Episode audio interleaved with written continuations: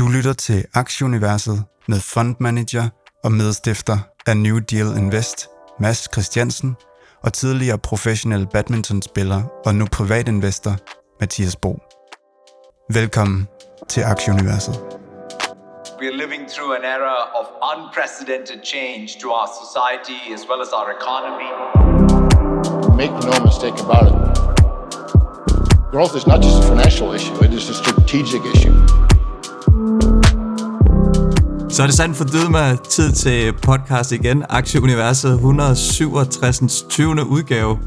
Vi optager i dag øh, fredag den øh, 8. December kl. cirka 15 dansk tid. Dagens program, ugens mest aktuelle nyheder. Vi har blandt andet lidt nyt fra Apple, vi skal rundt om. De er tilbage over 3 trilliarder i market cap. Så får vi seniorøkonom fra boligud, boligøkonomisk videnscenter, den, den kilder lidt på, på tungen, og lektor Mark Lund Andersen på besøg. Og Mads, vi havde et super interview omkring den her nye skattereform, som uh, boligskattereform, som træder i kraft uh, per, per 1. januar. Og jeg kan godt garantere, hvis man kommer igennem hele interviewet med, med Mark, og det ser jeg ikke nogen grund til, at man ikke skal, fordi Mark er, er super god til at fortælle om det, så ved man præcis, hvad den her ting går ud på, og så forstår man det. Og så kan man jo også samtidig sidde og blære sig, blære, blære sig lidt til, til de forestående julefrokoster, frokoster, når, når samtalen falder for det her, og folk ikke helt forstår det. Ja, hvis man får en borddame, der insisterer på at fortælle et eller andet, man ikke synes er spændende, så har man simpelthen muligheden for at fortælle om boligskattereformen i, øh, i rigtig lang tid, fordi så ved man alt om den. Og så får man ligesom sat skabet på plads der. Ja, og de her ting er jo ret vigtige at have, fordi med, mm, med de her, den ja. der rabat og sådan nogle ting, som, som, som Mark er inde på her, er det ret vigtigt, at man lige ved det, fordi det er jo ikke, det er jo ikke 10 kroner, vi, vi snakker om per måned nogle steder, øh, så, så det er ret, ret vigtigt, at man lige har forstand på det her, man lige sådan helt forstår af det, så man ikke lige bliver taget med bukserne ned øh, på et eller andet tidspunkt og modtager en, en kæmpe regning, uden man lige har helt fattet, hvad, hvad det er, der sker.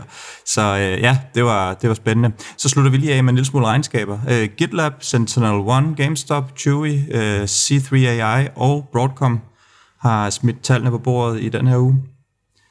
Vi starter lige på indeksniveauet. Øh, uh, S&P'en er rundt nullet, uh, Dow nede 2,5 procent, øh, Nasdaq'en lige over nullet, 0,20 pt. DAX'en i Tyskland op 1,6 og en lille smule nede i Danmark 0,34. 10-årige rente den er i 4,24 Olien er lige over 70 dollars, næsten 71 dollars nu her, og euro-dollar-krydset er i 1,075. Bitcoin, stor stigning, 43.500, det kommer vi tilbage til lige om lidt, og Ethereum er også over 2300 for det. Der er lige en dugfrisk øh, øh jobrapport her, 199.000 skabte job i USA, forventningen var 100 85 eller 88, når det her, jeg tror det var 85, men jeg skrev 88 minutter. Nå. Anyway, det var i hvert fald bedre end, øh, end forventet, og det viser bare, at der er stadig er fuld knald på den i, øh, i USA, og det bliver spændende med det her rentemøde, som, øh, som løber stablen på onsdag, hvad der, hvad der så kommer til at ske der. Markedet de reagerede en lille smule negativt, da de her tal kom, og, og futuresne de, de røg i minus nu, og de rettede sig en lille smule, men lige der det her nyhed breaket, der tror jeg Nasdaq var nede 0,8, 0,9, og nu ligger den vist nede en, en halv procent eller et eller andet. Så ja, den, øh, den klassiske stoledans, den, øh, den fortsætter. Det er jeg synes, det er spændende lige nu. Altså, vi, øh, jeg, jeg, jeg, jeg kommer til at, at, at, at lægge en lille smule om hos os, øh, tage noget øh, risiko af, at de, at de store, de der øh, aktier, som alle ligesom har, har købt, de profitable, gamle øh, tech-virksomheder, det ligner et rally, der, der virkelig kører på, på dampene efterhånden i det. Det har kørt længe, øh, og, og de er højt oppe nu. Og vi har Fear Greed, som, som ligger højt. Den ligger ligger op, den her CNN-måling øh, for, hvor hen markedet er, den ligger højt oppe lige i øjeblikket øh, i, i Greed. Så der er sådan bagt ind, at, at, øhm, at, at, at det det godt kan blive lidt hårdt på, på indeksniveau. Øh, og vi har faktisk set sådan lidt tendenser i ugen, der er gået med, at, at de her shitcodes, altså øh, yngre, ikke så profitable virksomheder, der er i vækstfasen stadigvæk, som har været meget upopulære i markedet, at de ligesom har haft nogle dage, hvor de virkelig, virkelig øh, kom flyvende, selvom at, at det brede tech-index ikke rigtig gjorde noget. Og så var det en lille smule omvendt i går faktisk, der var det, der var de, de, to, de gamle, modne øh, tech-virksomheder, der, der fløj. Men øh, ja, altså det er det begynder at, at, at have, have kørt længe det her. Det er spændende, hvor, hvor det skal fortsætte øh, hen, men der er jo virkelig også, altså hvis renten skal ned, og hvis vi skal have den her bløde landing, nu kommer der en stærk jobrapport, så det virker ikke som om tingene nødvendigvis går i stykker, og ja, renterne er faldende alligevel og sådan noget. Det er jo et Goldilocks scenarie. Altså, så, så kan man jo godt for, se det her fortsætte, og, og når inflows har været så stærke i november måned, så er det jo fordi, at den aktive del af markedet, de har været på vej ind i tech, på vej ind i big tech, og øh, Nasdaq, S&P 500. Jeg tror du godt, de her mindre tech-hold redningsvesten tør, hvis de store syv begynder at falde? Altså, hvis, hvis nu, jeg, nu er jeg jo råbt om det her, at, at det her segment er for billigt, og at det skal komme i lang, lang tid. Casen for det, øh, så man skal tage alt, hvad jeg siger her med en, et græn salt, virkelig. Øh, men, men casen for det er jo, at, at det, det her segment af markedet, det faldt jo i 2021, uden at resten af markedet faldt. Øh, så på en eller anden måde, så virker det som om, at, at det er en, en 6-9 måneder øh, foran resten af markedet. Så det vil også give god mening nu, især også nu, hvor det er kommet bagud i forhold til øh, det modne tech, at, øh, at det begynder at være, være small cap. Og vi har jo Danske Bank, øh, som, som er ude og, og, og sige det samme her for en 14 dages tid, tre uger siden, at, at det er det, de ser ske. Og det vil give mening. Altså den her rente, rentefald vil, vil gavne den her type øh, virksomheder, i hvert fald i markedets øjne. Ja, det er jo en fantastisk november øh, måned, der er her, så det vil jo heller ikke være unaturligt selv, selv uden en, en, det her rentemøde, at, at folk begynder at tage lidt profit hjem her i, i slutningen af året. Og, og, og ligesom, det skal man og, også. Altså, ja, når, ja, når præcis, vi er her, fordi, så skal man, skal man lige kigge på, om, om der er noget, man lige skal have taget hjem. Ja, præcis, fordi det er i hvert fald det, vi har lært af den her øh, 2021, hvor det hele kørte i himlen, der, der havde man jo været lidt glad, hvis man havde fået solgt lidt af sin opstart i en, i en, i en 300 eller eller andet, den gik ned i 30, ikke? Der, øh, så, så det er nok vigtigt at det her, at man lige forhandlede lidt, og så er jeg helt enig med dig, at det er jo også det, som de øh, fleste analytikere er ude og sige, at de her syv store, de, de, de kører godt nok derudad, og det er jo fantastiske virksomheder og sådan noget, men, men det kan godt være, at folk snart lige begynder at tage overlæggeren af, fordi det, det er næsten for godt til at, til at være sandt. Men øh, ja, ja, vi, øh, vi må se, hvad der, øh, hvad der sker i, øh, i, de kommende, i de kommende uger. Spændende er det i hvert fald. Og spændende er det godt nok også med krypto, Mads. Vi har set en, en pæn stigning, og så faktisk, øh, jeg ved faktisk ikke, om det var søndag, jeg tror, den her øh, ret kraftige stigning øh, kom, øh, startede opturen øh, i søndags, og øh, bitcoin den steg egentlig til over 44.000, 44.200 på det. Og jeg, sådan, uden at der var sådan rigtige nyheder, altså nyhederne var der, og det er jo det her med, at som vi også har talt om tidligere, markedet prøver at, at prise ind, hvad Bitcoin og Ethereum, som er de to største, skal koste i tilfælde af, at de her spot ETF'er, de kommer ind, og de amerikanske retail-investorer automatisk kommer til at tage det her ind på, øh, på balancen. Og der er endnu mere usikkerhed end, øh, end før, og, øh, og og så, så er der automatisk lige skabt sådan lidt, lidt hype omkring det her, og folk føler måske, at, at det er lidt for billigt, hvis, øh, hvis det er, at de her øh, spot ETF'er, de, øh, de kommer til virkelighed. Og så, så kom der altså gang i det her rally, som vi har set med Bitcoin før, både i den ene og den anden retning. Øh, så, så pæne stigninger, pæne stigninger som, som har kørt, og så er det så faldet en lille bit smule tilbage her i, i slutugen, hvilket jo også er, er meget naturligt. Ifølge, øh, ifølge Decrypt, så har aktiesort shortsellere i Coinbase som MicroStrategy blandt andet tabt 2,6 milliarder på øh, mindre end tre måneder. Simpelthen short positioner, der er fanget i, i de her øh, kryptoaktier, som, øh, som er sten. Og det er jo hele, hele den her negative dyne, der lå over det med, med, med dårlige nyheder og så videre, er ligesom, nu er det ligesom, virker det som om, at det er det er bag os, øh, og så begynder der at komme de her positive nyheder, som du var inde på, med at, at det virker som om, at USA også kommer til at åbne op, eller se på at regulere mere konstruktivt i forhold til blockchain.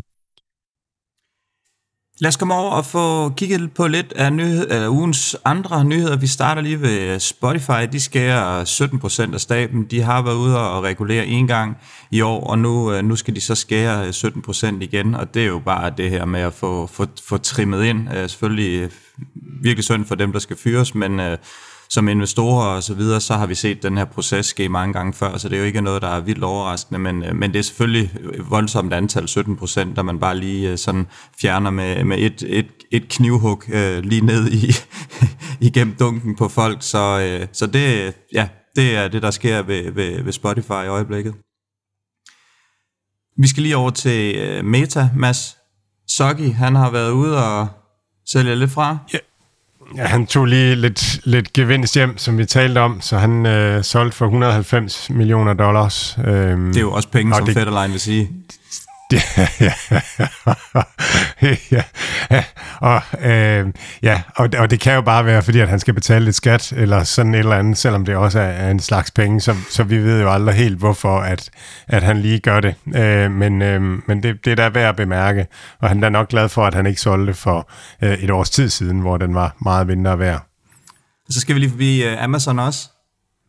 Amazon lancerer noget, de kalder øh, Amazon Q, øh, og det sad jeg lige og kiggede på. Det er, det er sådan en, øh, en co-pilot, som du kan have til din virksomhed. Så hvis du, hvis du har dine ting kørende på Amazon, øh, mm, Amazons infrastruktur, jamen så har du nogle co-pilot, hvor du kan spørge den om alt mulige ting. Hvad, hvad klager kunderne over? Hvad er, hvad er de største problemer lige nu i vores forretning? Hvor er flaskehalsene? Og så kommer AI, øh, Amazon Q altså med en med et svar på det. Så det er sådan en, en co-pilot her til, øhm, til, til virksomheder. Jeg synes, Amazon øh, bare virker stærkere og stærkere inden for, øh, inden for det her øh, generative øh, AI. Øh, og, og, øh, og jeg kan ikke lade være med at tænke på, at, at jeg har sagt, at, at Microsoft kunne være et bud på, på verdens største virksomhed om, om 10 år. Altså måske skal man, skal man skifte den plads ud med Amazon, fordi at at, at de ser ud til at ramme det her med, øhm, med large language models, generativ AI, med på en rigtig, rigtig god måde, hvor de bare bliver infrastruktur og leverer en masse forskellige ting, så det er ikke et produkt, de sælger, men det er forskellige services, som folk kan vælge imellem, uden alt det her login og sådan nogle ting. Det, det virker godt, og så har de Project Kuiper og deres egen chipstack, som de er godt i gang med. De har Bedrock, øh, som den her service, hvor at, at man selv kan vælge øh, forskellige large language models, hvad man gerne vil arbejde med. Det virker bare sådan komplet, og det virker som om, at, at de lige, det, det virker som om, de har ramt den bedre. Øh, det synes jeg er interessant. Ja, det, det er i høj grad Amazon. Det, det er svært at finde fejl ved dem i øjeblikket. Det, det, det er mm. bare høj kvalitet over hele linjen. Vi havde de her udbringnings... Øh, tal fra, som, som vi snakkede om i sidste uge også, at det også bare knuser den på det, og det, det er ikke sådan, at de har så mange trial and ever, som vi, som vi for eksempel har set med Meta og noget andet med de der briller, som garanteret ikke bliver til noget, eller i hvert fald ikke er gode nok endnu. Det her, det virker bare ikke helt som om Amazon, de har helt vildt meget, som ja. de kigger med, i hvert fald ikke i de her store produktkategorier, der viser de bare, at de knuser den. Nej, brillerne er så godt et eksempel, ikke? Så er det, altså, så, så er det sådan nogle briller, man sådan lidt, hvad skal man med dem og sådan noget. Det her, det er bare, det er bare mega godt tool til, til virksomheds, øhm, øh, folk, der har virksomheder, der, der kører på, på Amazon. Det, ja, hold op, det giver mening. Når du snakkede om før, at øh, dampen er ved, måske ved at gå af i de her store, har du så Amazon med der også, eller, er den, eller, eller tror du, den kan holde? Jamen Amazon er jo, er jo også oppe med øh, 50 procent eller sådan noget i år, men, men den startede også fra et lavere niveau. Den faldt mere end de andre. Jeg tror, Amazon kom ned med, med, med over 50 procent i det her downswing, hvor at, at der har der har, der har de virksomheder, der er mere profitable på bunden, de har, de har cruiset bedre igennem, ikke faldet så meget. Og, og, og de fleste, en del af de andre er op omkring deres tidligere all-time highs, eller sådan godt deroppe af. Og der er Amazon ikke så... Nej, jeg har ikke Amazon. Der har Amazon mere over i den der uprofitable øh, lejr. Så det er også nu her, hvor jeg snakker om det her med, at, at, at vi gerne vil gemme os lidt væk fra nogle af de her navne, Cloudflare, Snowflake, øh, som alle investorerne har været enige om er nogle fantastiske virksomheder i lang tid. Det er ikke fordi, vi vil ud af dem, men vi vil bare gerne, bare gerne have, have noget lagt over i noget, der ikke er sten så meget. Og det, der, der er Amazon sådan midt imellem. Den er sten meget, men, men jeg tror stadigvæk, at, at der er meget igen øh, på den. Der er heller ikke særlig meget short interest i Amazon.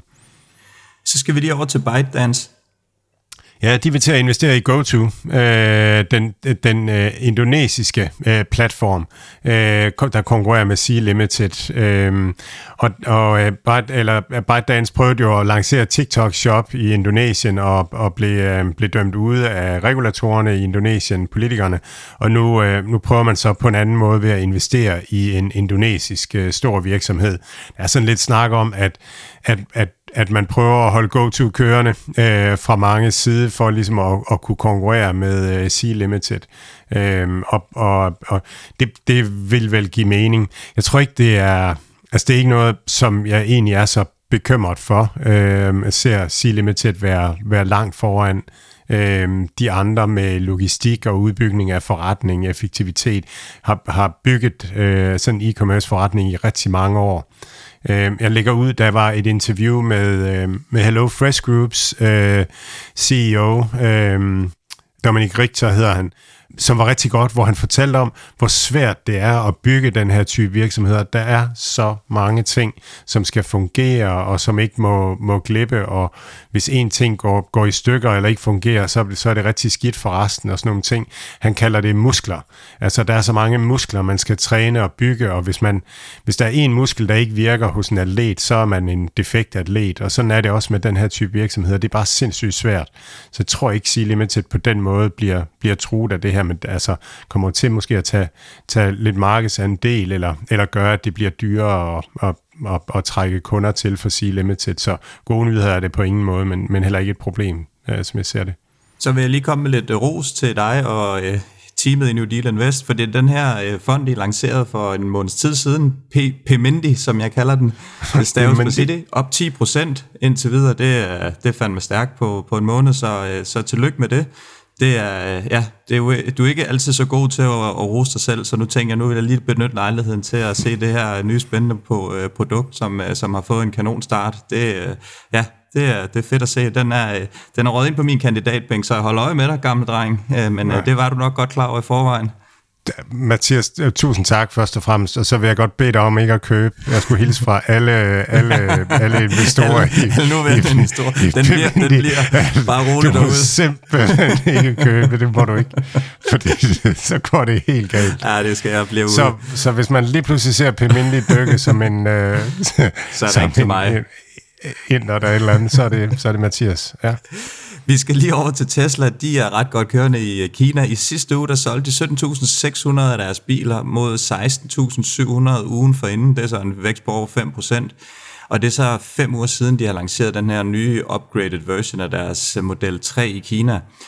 Samlet set er der registreret 104.500 Teslaer i Kina i fjerde kvartal, og det er så en vækst på, øh, på 3% i forhold til tredje kvartal. Så øh, ja, de, øh, til trods for den ekstreme hårde lokale konkurrence, så, så virker det som om, at, at de stadigvæk er, er super godt repræsenteret i, i Kina, som Ja, jeg, jeg ved ikke, for nu har jeg været der en del gange her de sidste par måneder, og det er jo den her snak om elbiler, og det, jeg tror nærmest ikke, der bliver solgt en benzinbil mere. Altså alt er næsten el allerede, øh, og, øh, og jeg kan ikke forestille mig, at, at det ændrer Så der er selvfølgelig også øh, plads til, til en del spillere på det her store, store marked, men øh, ja, godt at se, at, at Tesla stadigvæk klarer sig flot. Ja, de har også kommet med prissænkninger derude. Der er der priskrig på. Øhm, så det er, det er spændende, hvad, ligesom hvad, hvad ideen med det er. Jeg tror, øhm, jeg, jeg sad sådan og tænkte, de der kinesere der, de, de får vel bare lidt statsstøtte, hvis det er. Altså, så det er sådan lidt at, at konkurrere prismæssigt med dem. Det, det kunne måske godt blive lidt op ad bakke, men øh, må ikke han har en, en plan, øh, Musk, eller også har han ingen plan. Det ved man aldrig rigtigt. Så er, øh, så, så er der en dansk nyhed. Øh, Lego, øh, her i huset, der har vi lige downloadet øh, Lego øh, Fortnite-spillet øh, til, til ungernes øh, PC. Øh, kommer gratis.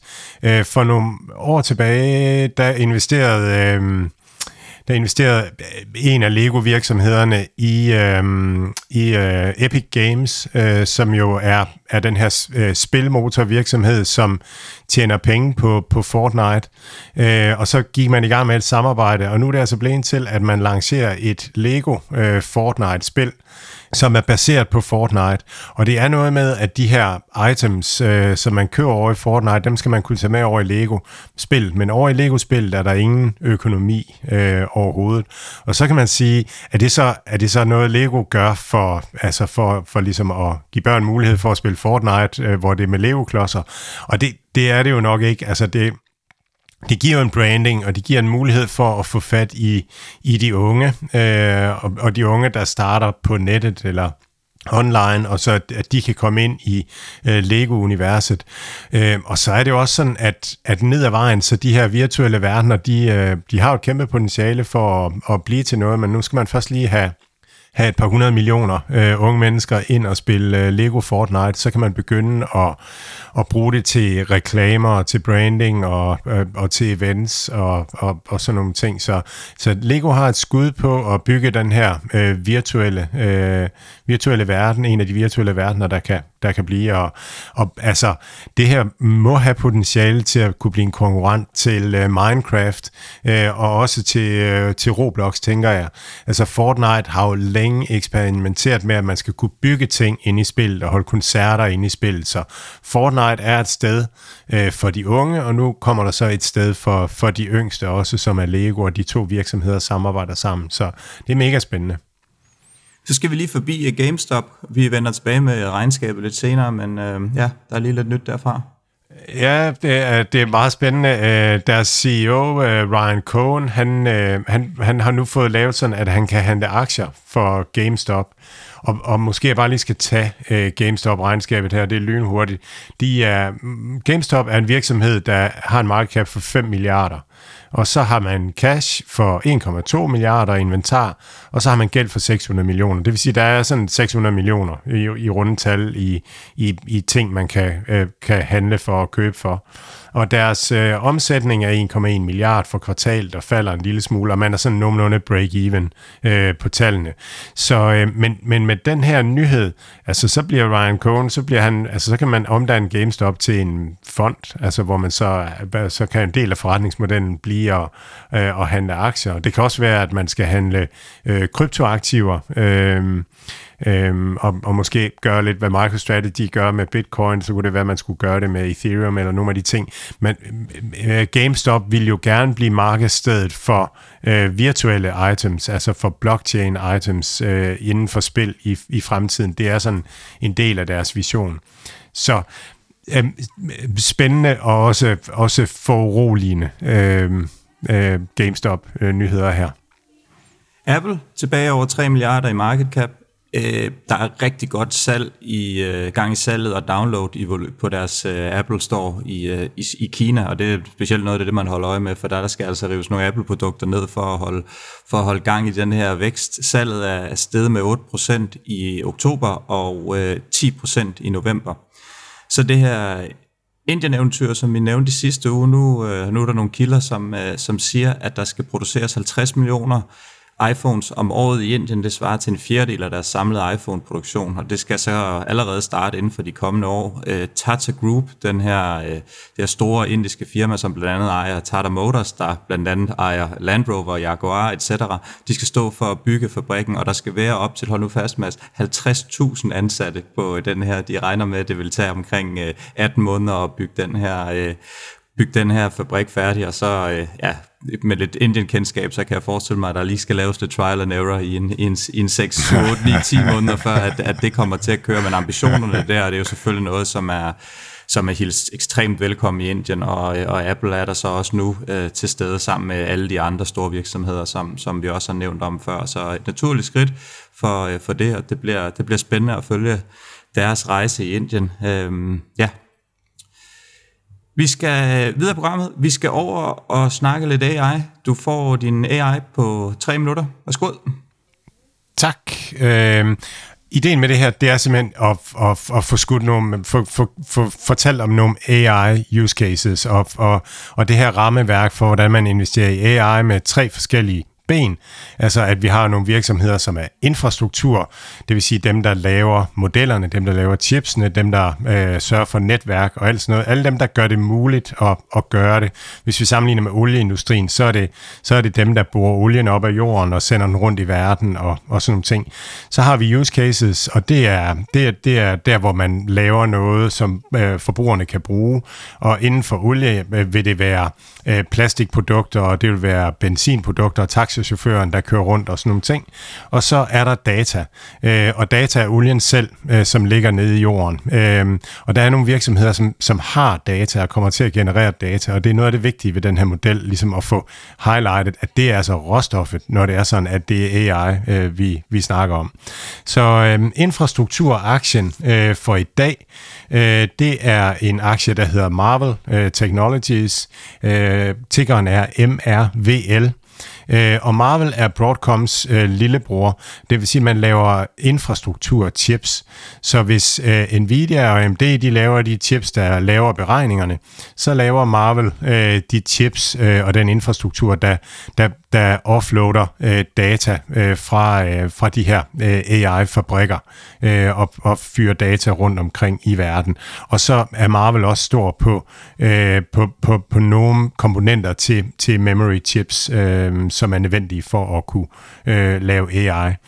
Og så har Marvel også en del andre ben og sådan noget, så det her udgør en ikke så stor del af Marvel trods alt, men, men markedet håber, den vokser. Så er der use case-aktien, den, øh, og der har jeg taget Amazon med, øh, og vi har lige snakket om Amazon Q, øh, som er en use case, men Amazon har også en service for øh, deres kunder, hvor man kan få lavet produktbilleder, øh, så man kan bare uploade nogle forskellige billeder af produkter, så, og så give AI'en en idé om, hvordan man gerne vil have produktbilledet se ud, og så får man produceret noget, og det er en kæmpe ting for, for folk, der har en e-commerce forretning med måske øh, flere tusind forskellige varer. Så er der en dataaktie, og der er taget en ny aktie med, vi ikke har, har talt så meget om, øh, men en aktie, som, øh, som jeg har fået af, af Simon og Jordan, som, som jeg rigtig, rigtig godt kan lide. Den hedder Jamf. Øh, J-A-M-F er, er tiggeren. Og forretningsmodellen, det er en master data management vendor. Øhm, hvis man er en virksomhed, som har en masse Apple-computere, så har man Jamf øh, til at holde styr på de her Apple-computere, holde styr på sikkerheden. Hvis CrowdStrike kører øh, på de her Apple-computere, så vil det typisk være Jamf, øh, der, der, der, der, der håndterer det. Øhm, meget, meget af det, der kører på Apple Computer, er designet til Windows, og så bliver det sådan tilpasset øh, Apple Computer, og det er Jamf øh, ekspert i. Så, så Jamf samler en masse, masse data øh, på alt det, der ikke fungerer på en Apple computer, alt det, der er bygget til Windows og så videre, og så, og så konstruerer man øh, løsninger til det og, og, og finder, ja, finder fejl og, og hjælper øh, brugerne med at håndtere alle deres øh, Mac-computere. Øh, det, der det, der er spændende ved Jamf lige nu, det er jo, at M1-chippen er gammel, og da M2-chippen kom fra Apple, der, der var vi i en, en nedtur i salget af PC'er, øh, og virksomheder har afskedet en masse medarbejdere, tech-virksomheder har afskedet en masse medarbejdere. Det er dem, der normalt har Apple øh, Mac-computer. Så, så der har været stiv modvind for Jamf, fordi at antallet af Mac-computer i virksomheder er faldet. Og nu kommer vi måske ind i en, en stabiliseringsperiode, og så kommer den næste vækstperiode, og der er Jamf bare super interessant øh, virksomhed, som, som markedet ikke har kunne lide længe. En lidt mindre aktie kunne jeg se market cap på 2 milliarder US dollars, øh, af 2 billion, undskyld, ja. Ja. Men, øhm, ja, 2 milliarder US dollars. 2, 2 milliarder. Alligevel 2 milliarder. Slat. Ja, ja. ja. Det, det, det. ja. det, kan man, det kan man selvfølgelig godt sige, men i forhold til nogle af de andre, der ligger med her, så, så, er, det en, ja. så er det en meget lille, øh, lille aktie i forhold til det. Men uh, nå, spændende at få nogle nye navne mm. på, uh, ja, på bordet, som man kan smide på, på kandidatbænken. Noget andet, der også er spændende, det er Mark og den her nye uh, boligskatterform, som vi skal høre om her. Alt, hvad Mads, Mathias og deres gæster siger, er deres egne meninger. Det er ikke finansiel rådgivning. Denne podcast er udelukkende ment som information og skal ikke bruges til at lave beslutninger om investeringer.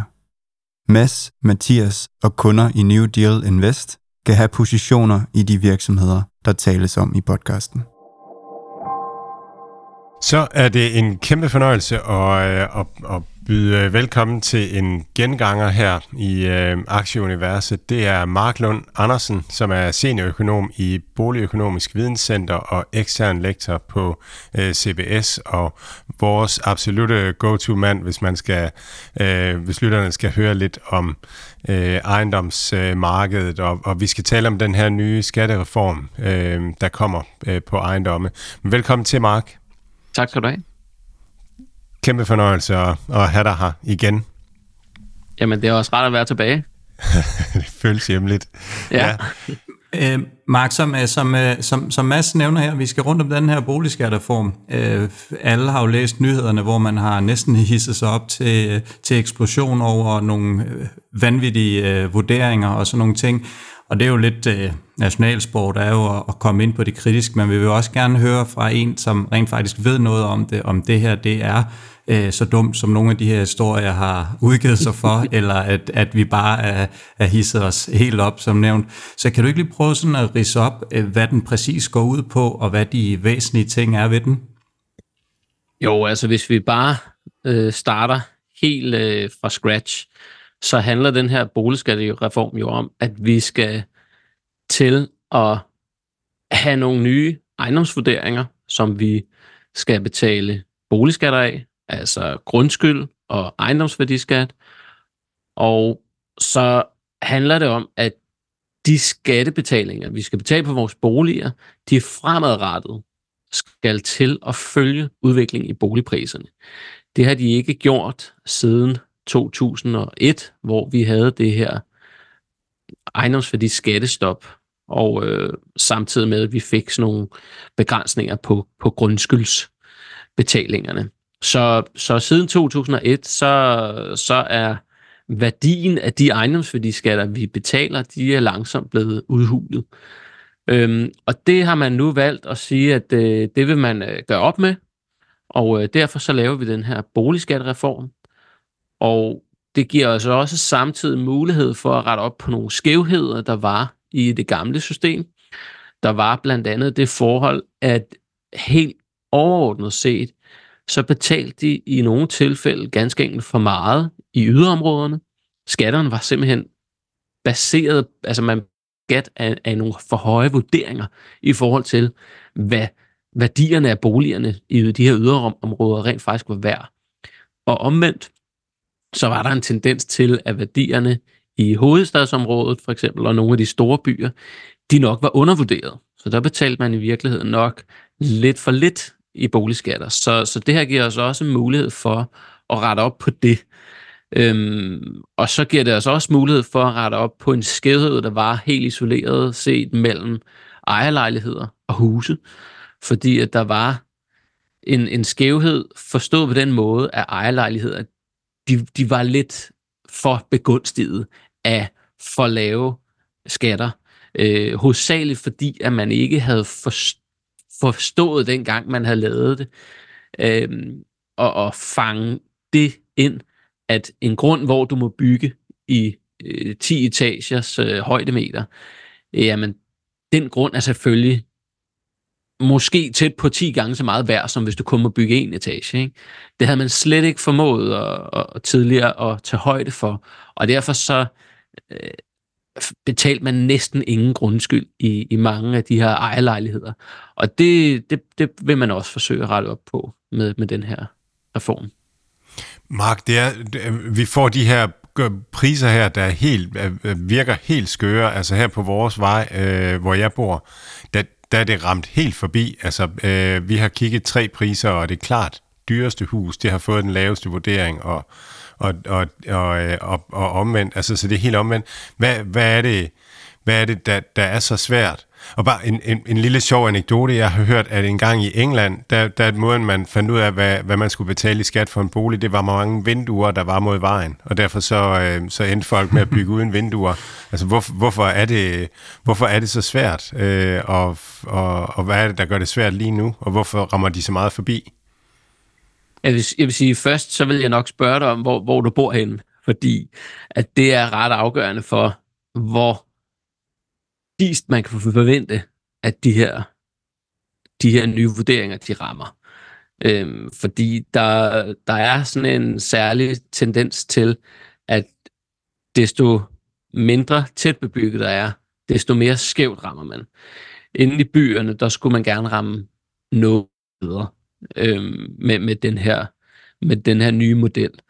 Øh, jeg skal ikke kunne sige, hvor lige præcis du bor, men øh, Øhm, men Jamen, jeg tror, det er en generel ting, er det ikke det? Altså, man hører de her, man hører at folk skrive om, at det er helt skørt. Jo, altså, men hvor, det, det er også... Hvorfor er det så svært?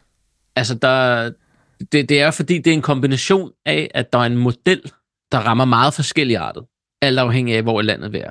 Fordi når vi er ude der, hvor der er meget tyndt befolket, og hvor der er langt til den næste ejendom, så er det meget svært for de her modeller at ramme.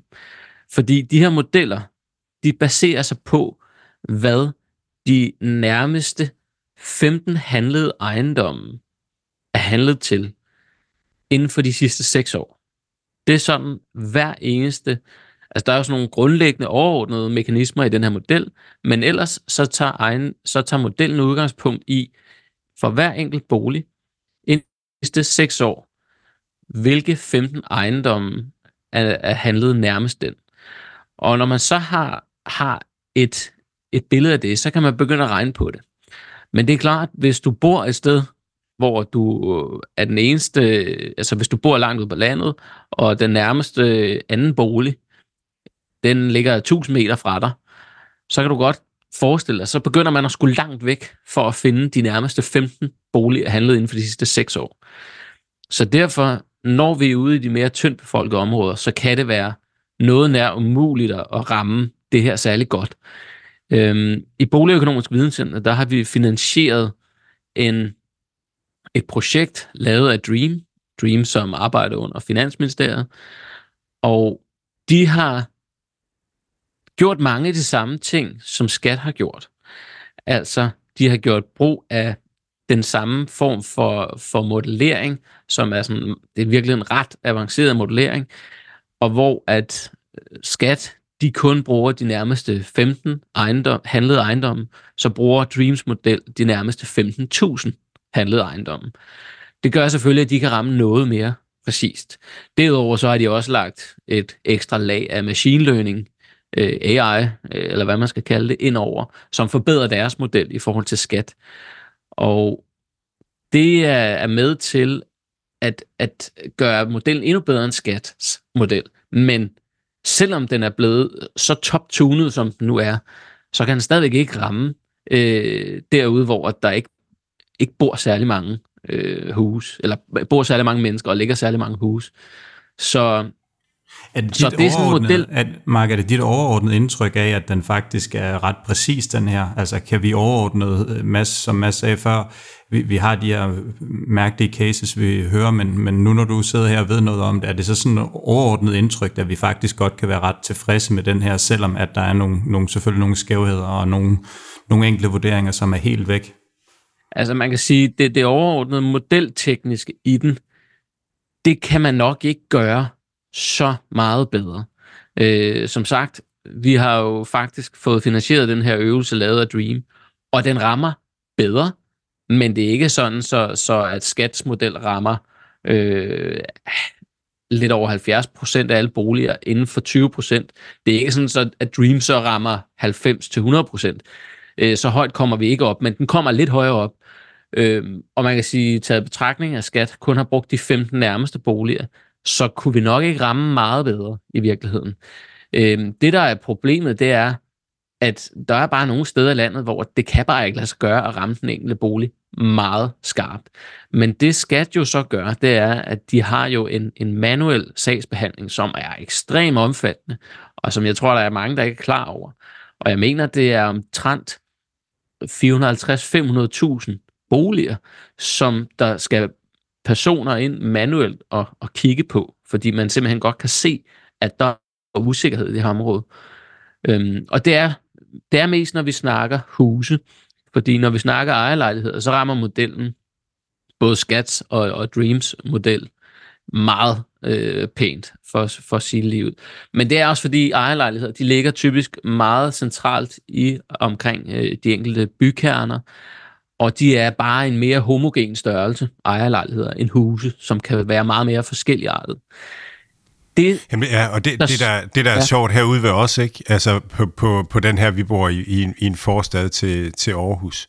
Øhm, og og det, med de tre huse, jeg taler om, der, der, der det ene hus er ikke øh, renoveret i, i lang tid, øh, og er uden kælder. Øh, og så er, der, så er der et hus, som ligger på toppen af bakken og, og har kælder og er, er, altså, er meget federe end de andre. Og så er der et hus, som, som lige er blevet renoveret og som har kælder, hvor man har, altså, hvor man har, har brugt rigtig mange penge på at gøre kælderen beboelig. Og det er sådan helt tydeligt, at, at de her sådan ting her, det, det, det, det fatter den ikke, altså modellen. Så, øh, og, og det er jo, altså det er jo, Jamen, det er jo... Det, jeg, synes, jeg synes, det virker... Det, det er meget irriterende. Ja, øh, jeg kan godt forstå dig, Mads. At, Men jeg er nødt øh, til... Hvis, hvis, hvis, hvis, man, hvis jeg skal... Hvis, man, hvis du tvinger mig til at tale om, og med enkelt cases, ikke? så er jeg nødt til at se nærmere på dem, fordi jeg har også hørt det der øh, nogle steder, med, med, for, også med rækkehus, som ligger lige ved siden af hinanden. Og den ene, den er vurderet til 30% mere, hvor man kan tænke, hvordan kan det være? Men det kan altså være så banalt, som at der i det ene rækkehus, eller lad os sige, der i begge rækkehus er en opmuret garage. I den ene, i den ene rækkehus, der har man i på et eller andet tidspunkt valgt at få gjort den her garage beboelig. Man har sørget for at, og sikre, at der er noget vindue, og der er isoleret og så videre, og, og så har man gjort det til beboelseskvadratmeter. Og det er nok til, at, øh, at den indgår med mange flere kvadratmeter end det andet rækkehus lige ved siden af, hvor, der er, hvor man ikke har gjort de her ekstra tiltag. Så det er et eksempel. Nu taler du i virkeligheden lidt om det andet tilfælde, hvor du tænker, du har nogle boliger, hvor de er særlig, i særlig god stand. Man har gjort brug af noget kælder, øhm, og, og så undrer du dig over, hvordan kan det være? Det, altså, hvis du helt konkret er nysgerrig på, hvordan kan det være? Øh, en ting er, at der er det her med kældre, at for at, at sådan et, øh, et element indgår i, i skatsmodel, så er det klart, så skal den fodres med den information, at kælderen er gjort beboelig. Og lad mig bare sige det sådan, det er ikke alle boligejere, der er lige gode til at få indberettet til kommunen, at deres kælder er, er gjort øh, beboelig. Og øh, Måske, måske. Jeg, jeg siger ikke, at der er nogen, der spekulerer i de her ting, men, men øh, det kan være, at der er nogen, der er glemsomme. Så har jeg vist ikke sagt for meget. Så kan du ikke sige mere om det. så, så kan jeg heller ikke sige mere om det. Måske sover de der, og så er det slut. så, så ja, det er, det, er, det er jo en problematik, det her med, at, at uh, uanset hvad du gør, så kan modellen jo kun medtage de ting, den kan se ud af de lokale registre. Og der er bare rigtig mange af de her BBR-informationer om de enkelte bygninger, som hviler på, at ejeren indberetter og siger, jamen, nu har jeg skiftet tag, så, så nu er det et nyt form for tag, jeg har. Øh, nu har jeg lavet en til- eller ombygning øh, i år, det er det. Øh, jamen, modellen kan jo kun se det, hvis den får det at vide. Så, så, så, så ja. skat er i bund og grund øh, ikke kommet ret meget længere, end dengang man bare talte antal vinduer, og så, øh, ah, så det, det, det, vil jeg sige, det, det, det synes jeg måske lige er, er, er strækten, men, men det er jo interessant nok, det her med, at, at hvor, hvor, hvor forskelligt man kan vurdere øh, sådan nogle altså ejendom. Altså hvis det er rigtigt, det du siger med England, med at man vurderer det på antallet af, af, af vinduer, det, det, den har jeg ikke lige hørt før, må jeg erkende, men det, det er da interessant. Øh, altså i gamle dage, der havde vi jo i Danmark, på et tidspunkt havde vi 3.800 vurderingsmænd, som simpelthen ikke lavede meget andet end at rende rundt og vurdere ejendommen.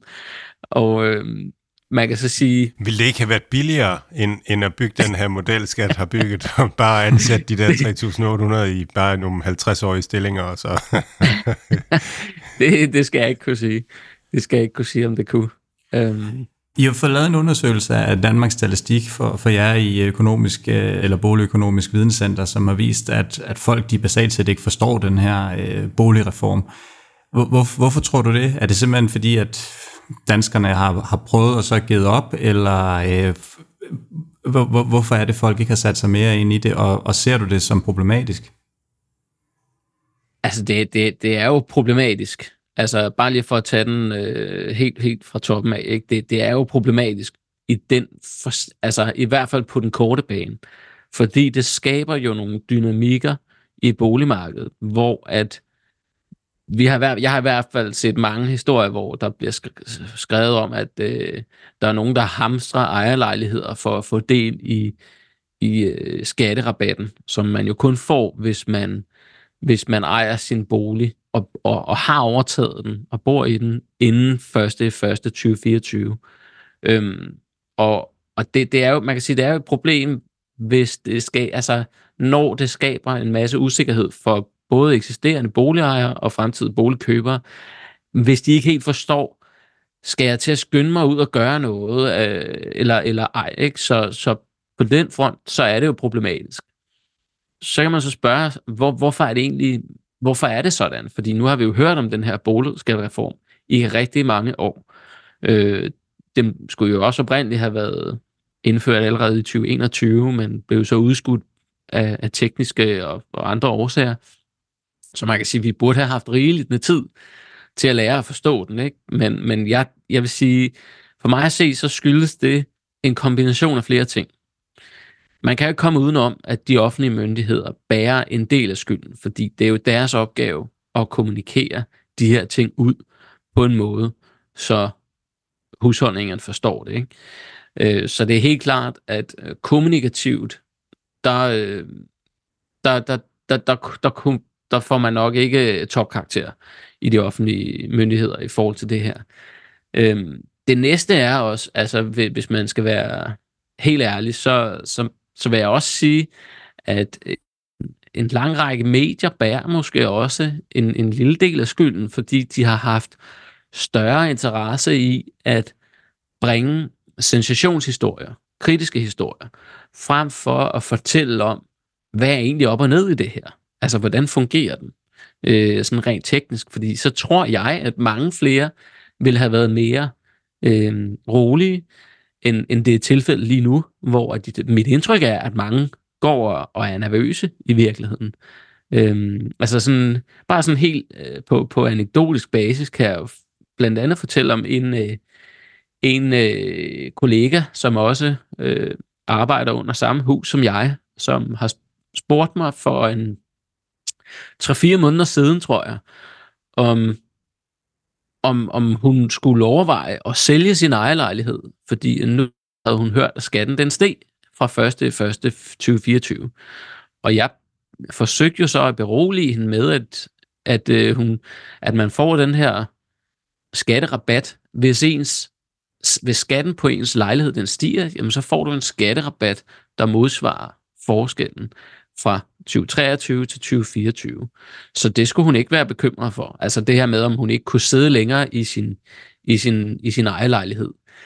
Og hun kommet to-tre gange efterfølgende, og har sådan spurgt mig, øh, er du nu sikker på det der, Mark? Fordi altså, jeg læser jo hele tiden, at, at nu øh, risikerer jeg at skulle gå fra hus og hjem, og, og, og, og min skat den stiger, og så videre, og så videre. Så siger jeg, ja, det, det er jeg altså. Jeg, jeg er ked af, eller jeg, ikke er ked af at sige det, men, men det er korrekt. Du, du får en skatterabat, så du skal ikke være bekymret for, for, for at, øh, at din skat stiger i en sådan grad, at, at du ikke kan betale øh, for at bo der. Altså, den, den stiger prøv, ikke. Prøv lige, Mark, prøv lige, hvordan, hvad, hvad er det egentlig, det der med skatterabat og sådan noget? Altså, hvordan er det egentlig, det fungerer? Kan, hvis ja. du lige skal forklare meget, det. Jeg meget gerne et eksempel. Du må gerne komme kort, med et eksempel Kort og, og lige på, ja. altså det som, fordi at jeg sidder ja. også, og jeg forstår det heller ikke. Jeg forstår nej, det. Nej.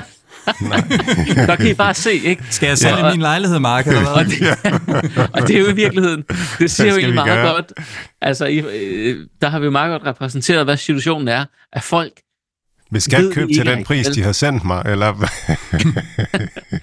altså, helt kort sagt, ikke? vi har jo en skat i dag, Øhm, lad os sige, at øh, Mads, du sidder i en øh, ejerlejlighed, hvor at der i, i dag er en årlig samlet skat på 10.000 kroner. Nu gør vi bare eksemplet mm. simpelt. Ikke?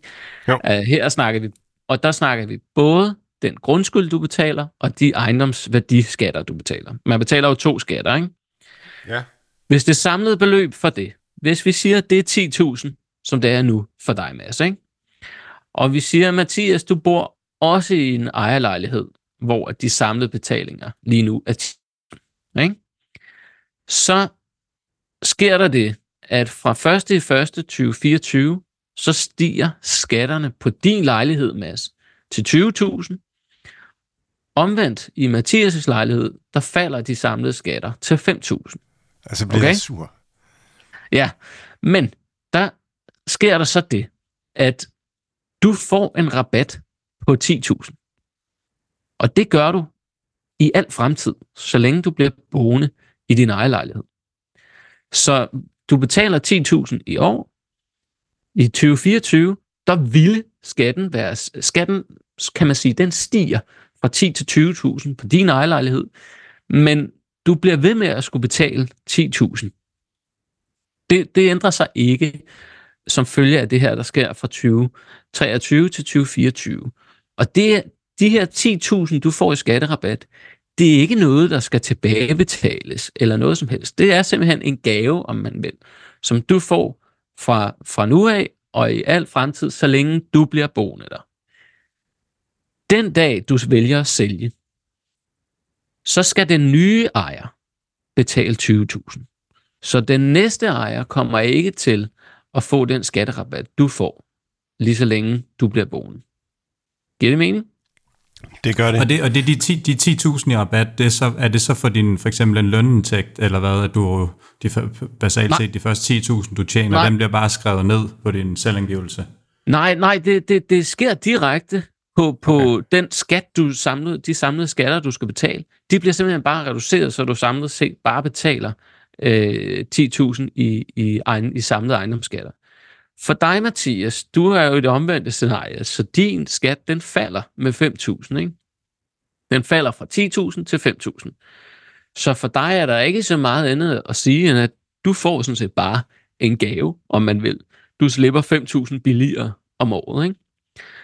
Og så kan man sige, at det, der nok er gået hen over hovedet på rigtig mange, det er, at når man sammenligner jeres to situationer, så er det kun omtrent 20 procent af alle boligejere, der er i masse situation, altså hvor skatterne rent faktisk stiger, og at de derfor får en skatterabat, mens at 80 procent, de ser ind i, at de faktisk får en skattelempelse, som vi kalder det, som er dig, Mathias, i det her tilfælde. Så det er sådan helt groft sagt øh, mekanismen i det her. Mark, hvad så, hvad så nu, du, nu du er Jørgen Klevin og tegner og fortæller her, så, så får man i øh, så får man i, øh, i, i sin e-boks et eller andet med, at man kan, man kan der, der er nogle lån, man kan øh, på en eller anden måde, man kan låne eller fryse et eller andet fast, eller sådan et eller andet. Ja. Hvad, ja. hvad er det? Vil du lige fortælle, hvad det er, og, ja. og hvad jeg skal gøre?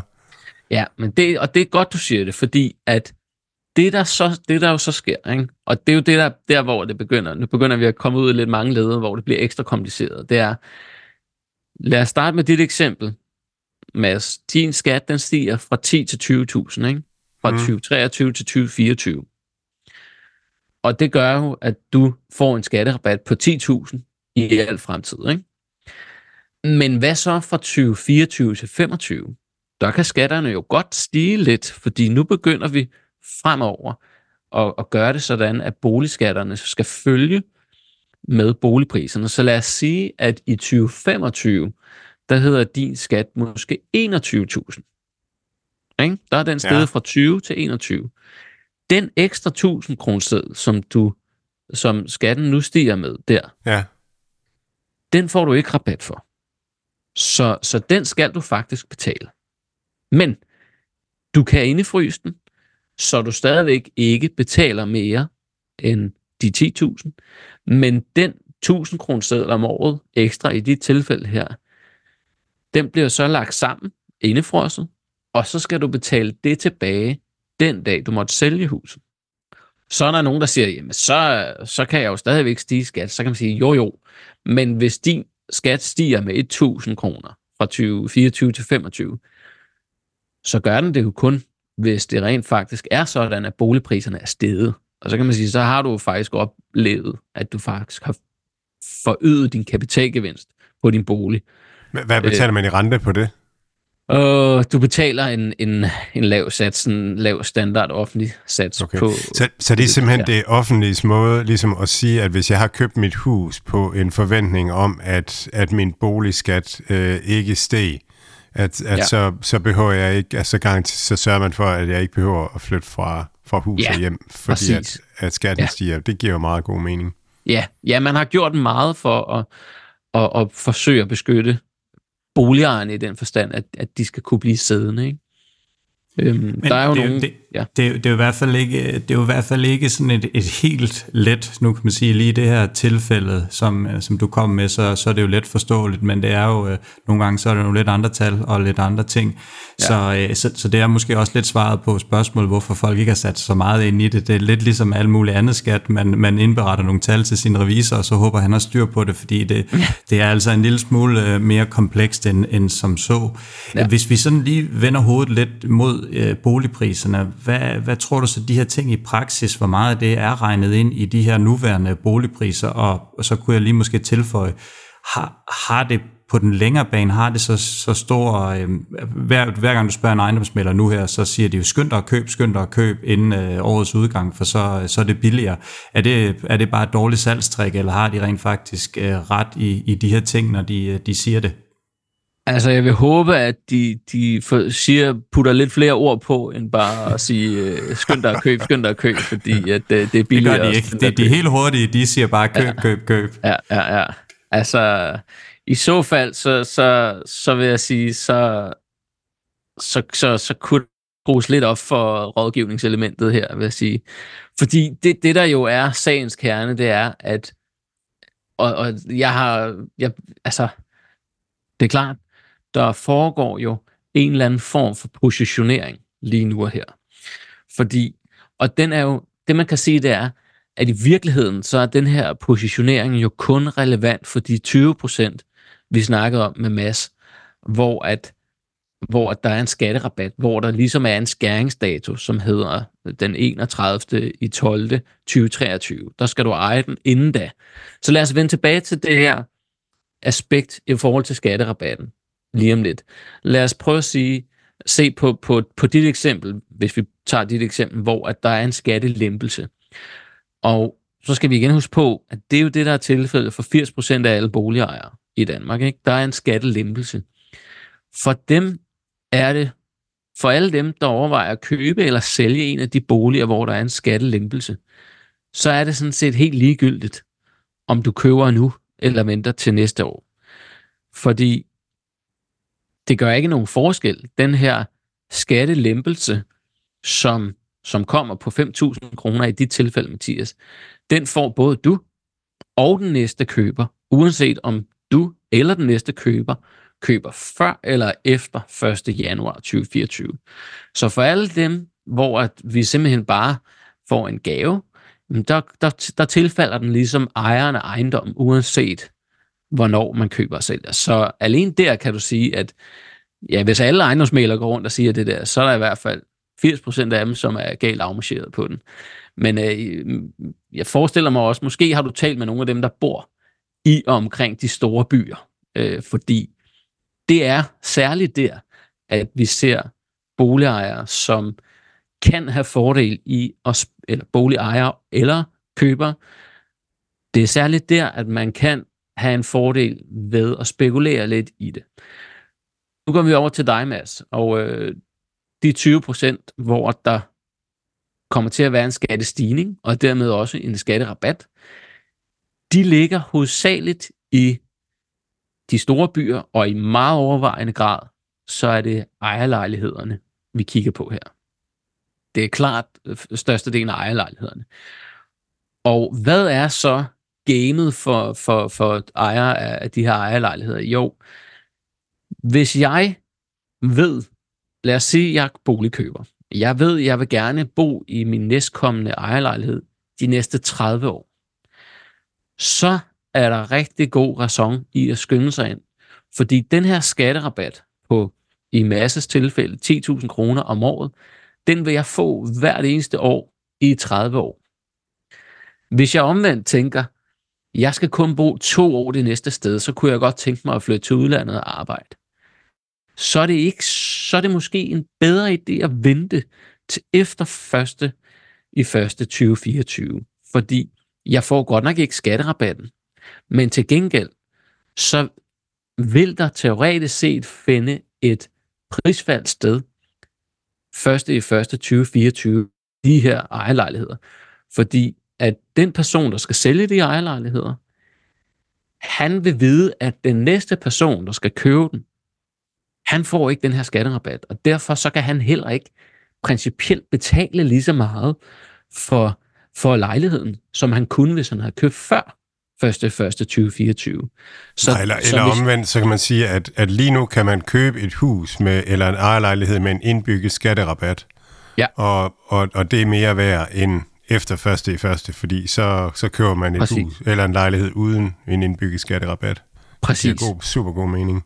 Og, og, det, og når vi regner på, hvad vi, jeg ved ikke om I har hørt de her estimater på, hvad skal der ske med priserne, men når vi regner på, på de lejligheder, eller ejerlejligheder, som, øhm, som, hvor vi formoder, der skal ske, eller hvor vi siger, der skal ske et teoretisk prisfald, jamen så er det en beregning, vi laver med udgangspunkt i, hvad er nutidsværdien af den her skatterabat. Og det er faktisk også et, et element, der får, får ret. Altså, jeg, jeg forestiller mig, at det her det kan blive noget, som kan få meget høj relevans for, for skilsmisseadvokater, for eksempel. Fordi hvis du bor i, i et hus, og, og, og du den ene part, altså i 2024, og den ene part skal fraflytte, den anden part vil faktisk have gavn af en, af en skatterabat i al fremtid. Så der kan være sådan nogle teknikaliteter, som jeg, som jeg tror, vi vil komme til at tale lidt om i, i 2024 og måske fremadrettet. Fordi det er, det er sådan en særlig aspekt, netop fordi, at du kan anse den her skatterabat som et aktiv, som giver et 100% sikkert udbytte på, i dit tilfælde, 10.000 kroner hver eneste år. Så, så når, når vi regner ud, hvad, eller regner på, hvad, hvad skal det teoretiske prisfald være, jamen så regner vi på nutidsværdien øh, med udgangspunkt i sådan en evigt løbende annuitet. Altså hvis det var 10.000 kroner i de tilfælde, så vil, så vil vi bare egentlig tage og sige, så skal vi bare dele 10.000 kroner med en eller anden øh, kalkulationsrente, en eller anden, øh, eller et afkastkrav, om du vil.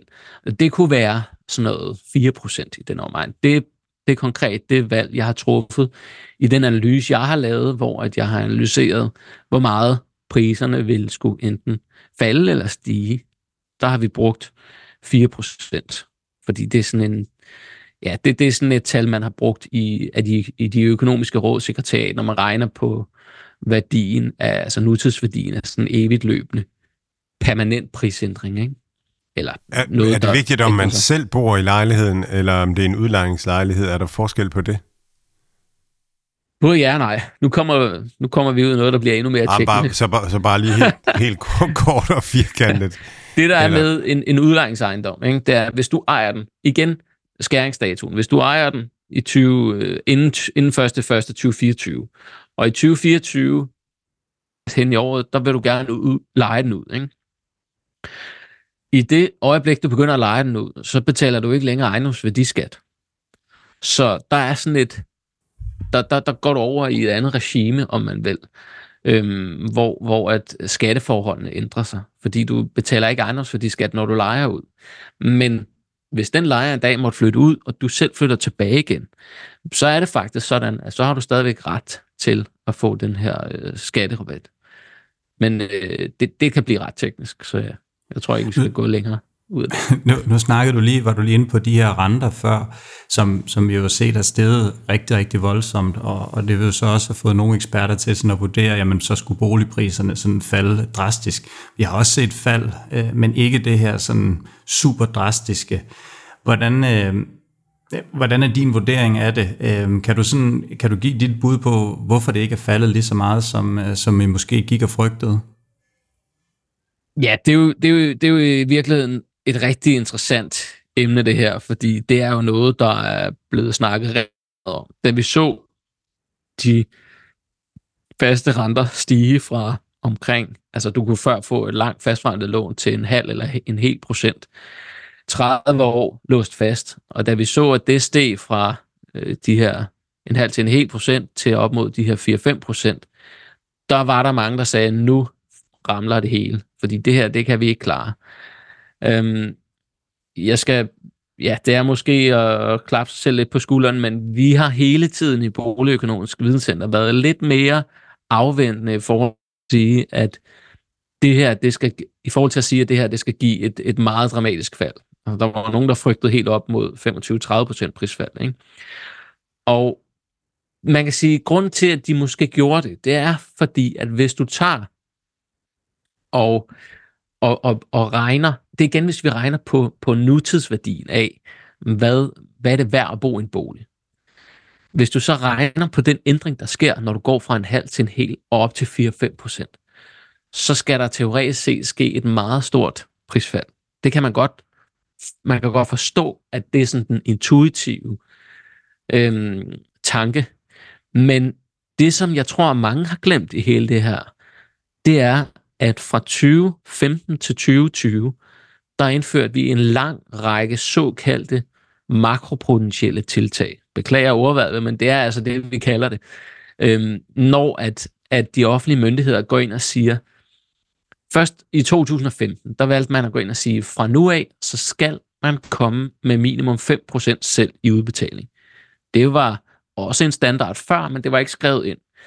Så kom man med en vækstvejledning, hvor man sagde, at i hovedstadsområdet øh, og Aarhus, hvis du skal købe der og gerne vil have variabel forrentet lån, så skal du kunne klare at sidde i et fastforrentet lån, som ligger på minimum 4%. Eller hvis renten er højere end 4%, så tager vi øh, den aktuelle lange fastforrentede rente og lægger 1% oveni. Så man har altså i banker og realkreditinstitutter lagt mange restriktioner på, hvem der måtte låne og hvor meget.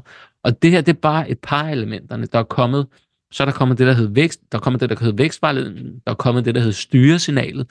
Og der er gjort en hel masse ting, som i virkeligheden gjorde det rigtig svært, særligt for, for nye unge boligkøbere at komme ind på boligmarkedet. Jeg tror, hvis I spørger venner og bekendte, som hører til de lidt yngre, øhm, og, og som gerne vil ind på boligmarkedet, så tror jeg, så tror jeg, alle vil kunne, kunne snakke med nogen, som øh, kunne finde nogen, som fra 17 til 2021, og måske i virkeligheden stadigvæk i dag, har følt, at det har været meget, meget svært at komme ind på boligmarkedet. Min pointe er med andre ord, man har gjort det så svært at komme ind på boligmarkedet, at boligpriserne ikke fik lov til i første omgang at stikke så meget af, som man teoretisk set godt kunne argumentere for, at de omvendt skulle have gjort, da vi gik fra lange faste renter på 4% ned til en halv til en.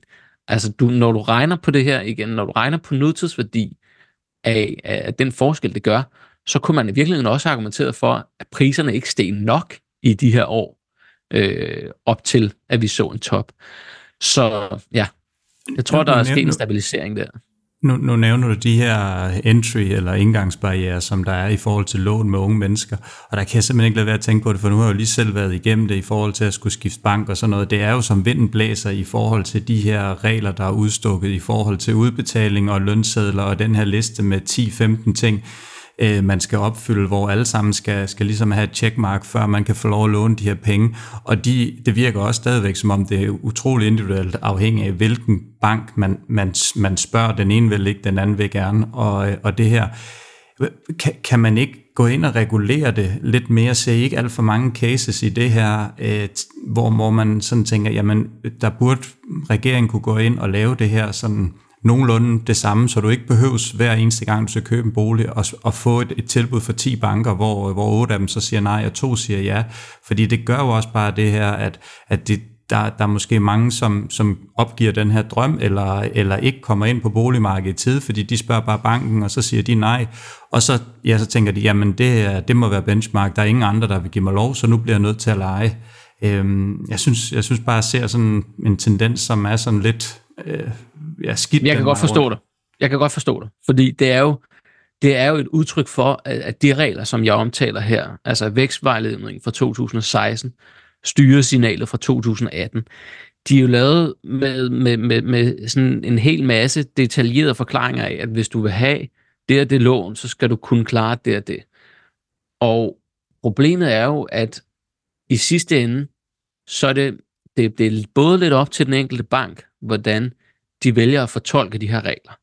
Og det er nogle gange op til den enkelte bankrådgiver, hvordan bankrådgiveren øh, tolker det her. Og nogle gange, så er der også nogle eksempler, hvor at hvis bankrådgiveren skal, hvad skal man sige, sikre dig et lån, så skal den person gå til sin overordnede, og så skal den overordnede gå til sin overordnede. Ikke?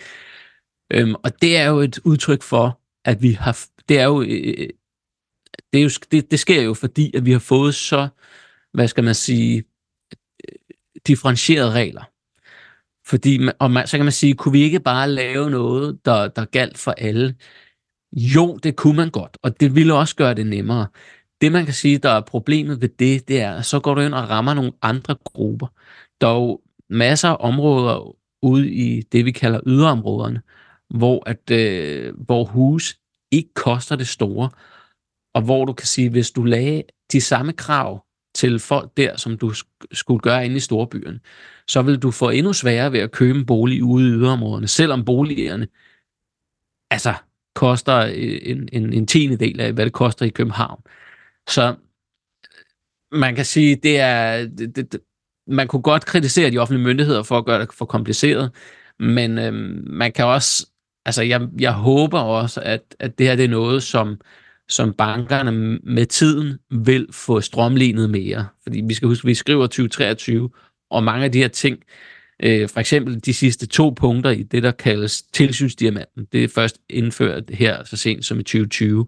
Så er der mange af de her ting, som stadigvæk er under, under udvikling, håber jeg. Jeg håber i hvert fald, at der, der sker en bedre strømligning, så det hele bliver lidt mere mekanisk.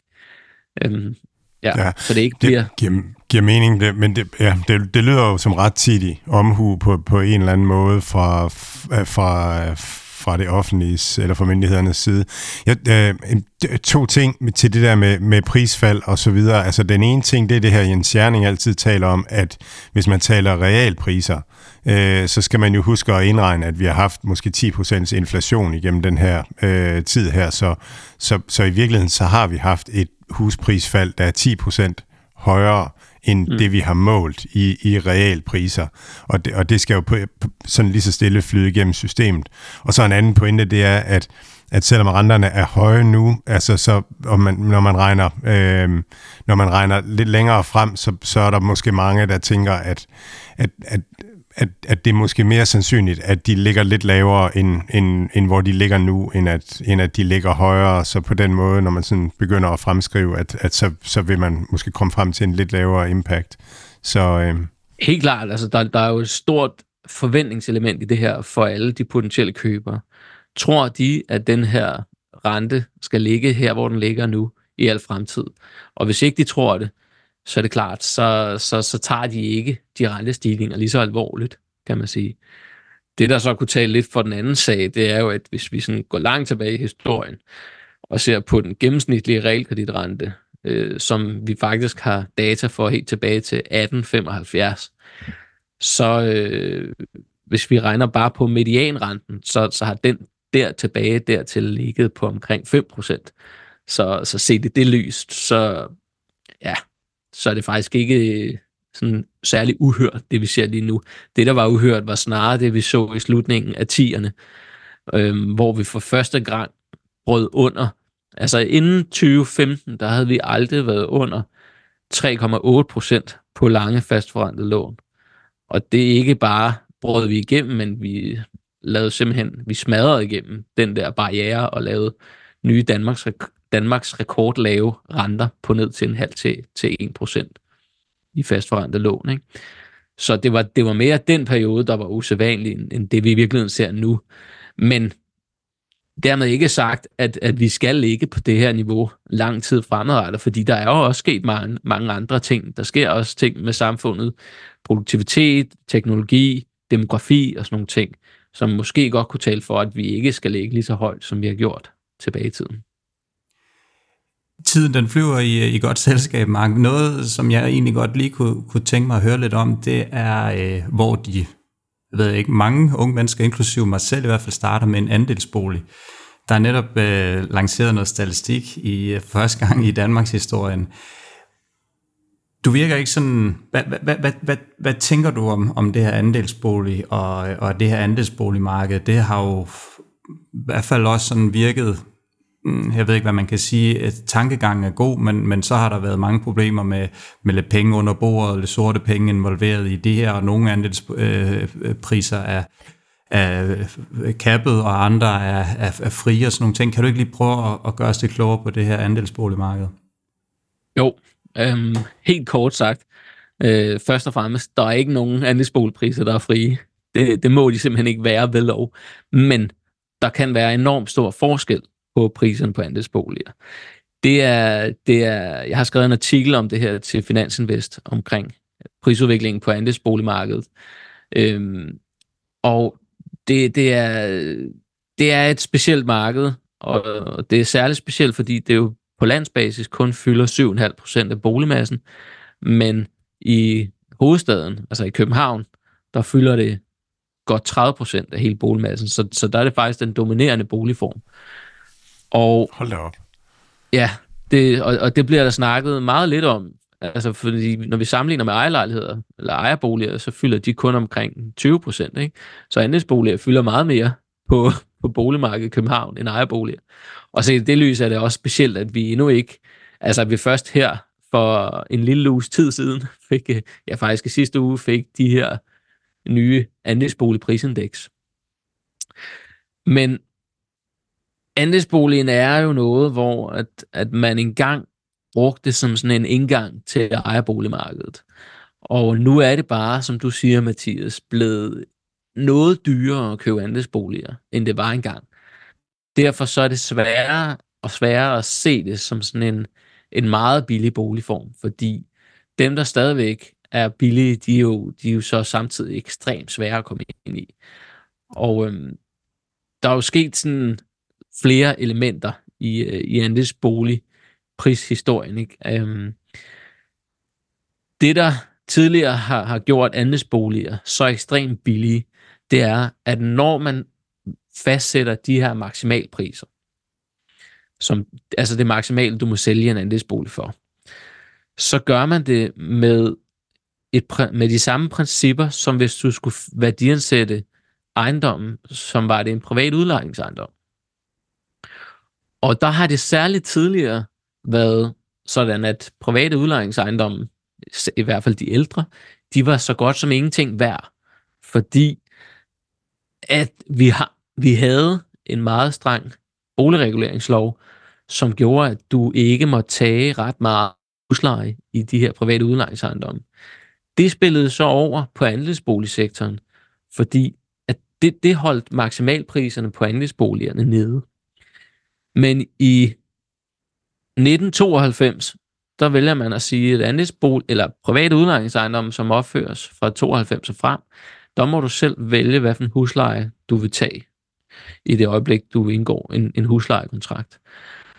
Og derfor kan du sige, at de andelsboligforeninger, der er opført efter 1992, der kan du sige, der kan du få nogle meget høje maksimalpriser. Langt de fleste, de er nu altså opført langt tilbage i tiden.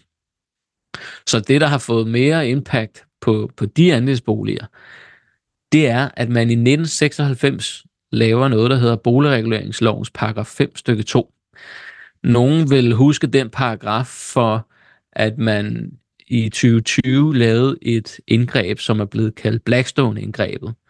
Jeg ved ikke, om det siger jer noget, men øh, der valgte man at, at, at gøre det sværere at lave de her gennemgribende renoveringer, hvorefter du må hæve huslejen.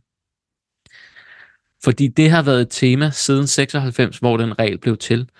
Og den regel gjorde, at udlejere af de her gamle private udlejningsejendomme, de fik mulighed for at gå over fra det restriktive, restriktive huslejeregime i boligreguleringsloven til lejelovens såkaldte det lejedes værdi.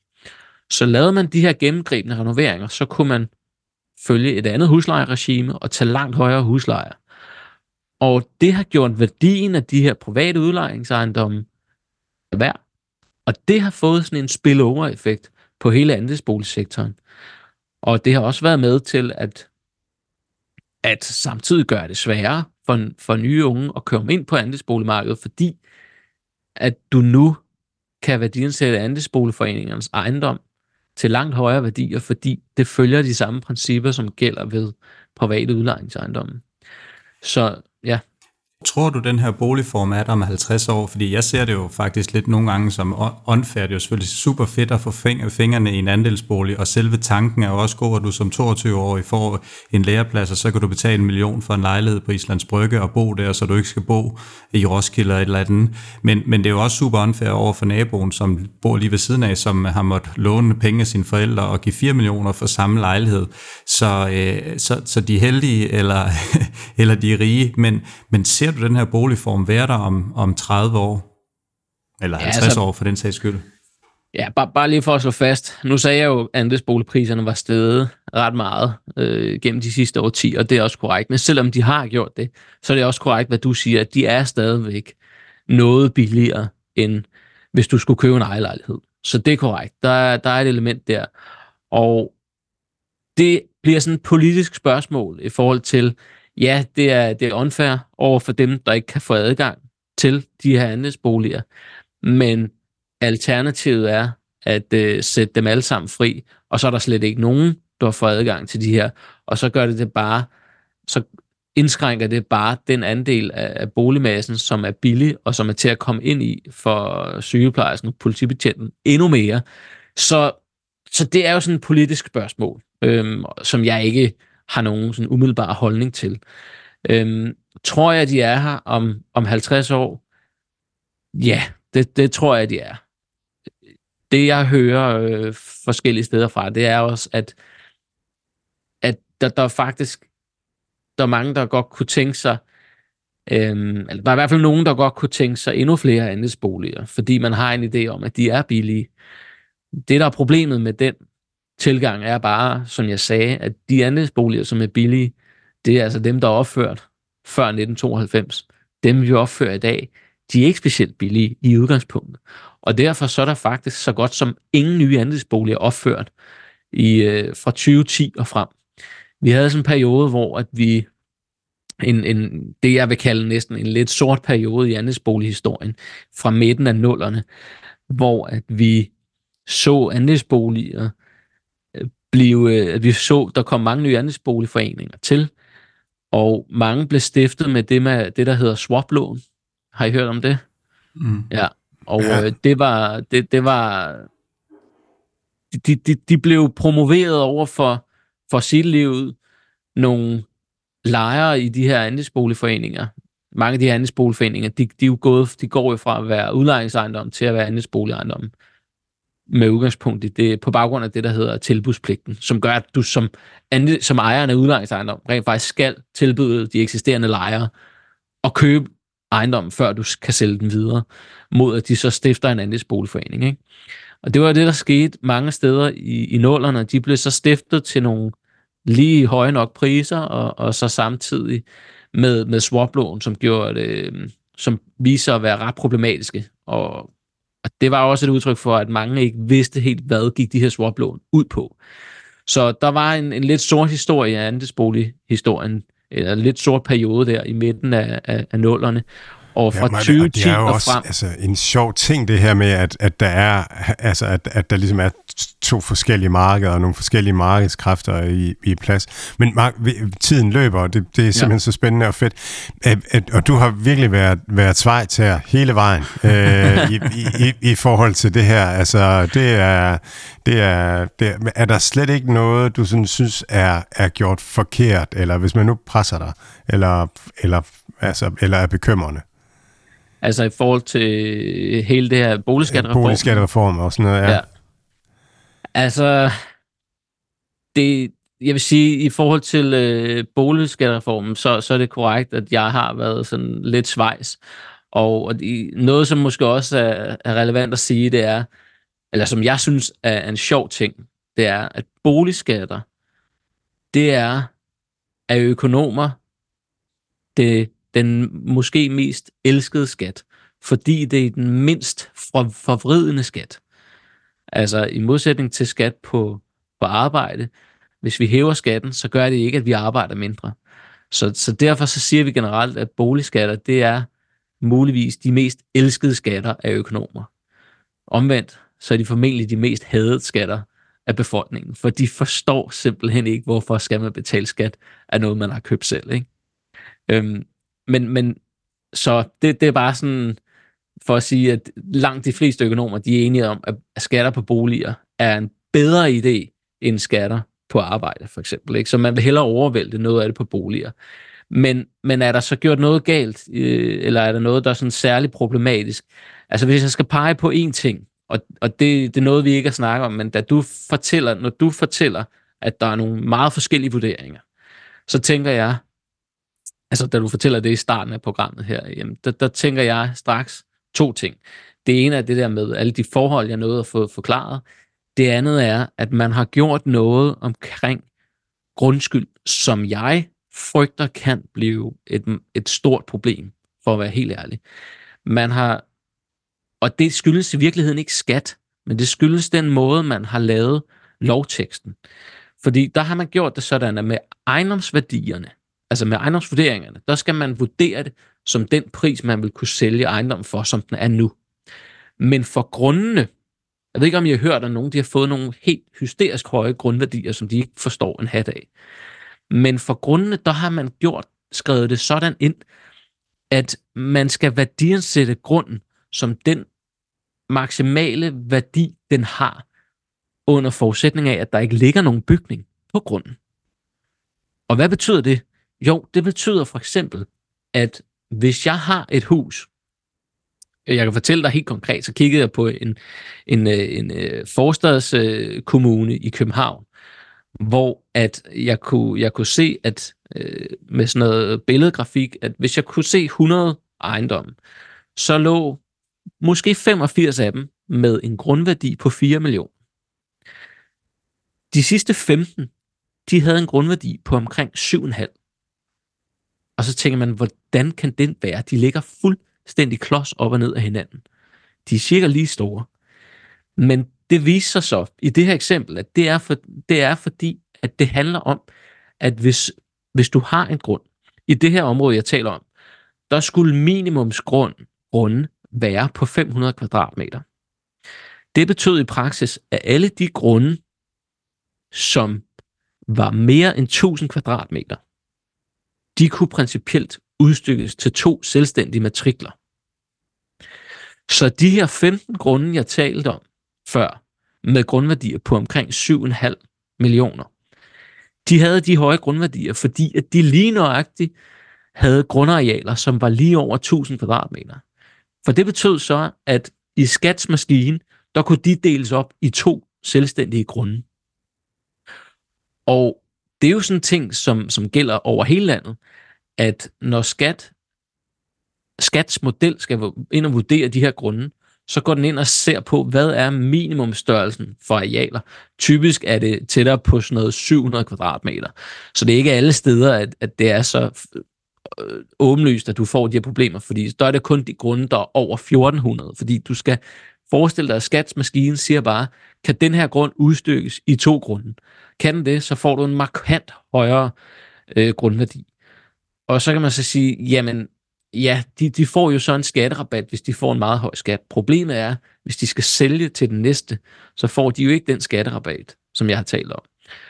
Og det, jeg frygter lidt i forhold til, til lige præcis det her issue, det er, at skatsmaskine sidder og vurderer, hvad for nogle grunde, der kan udstykkes.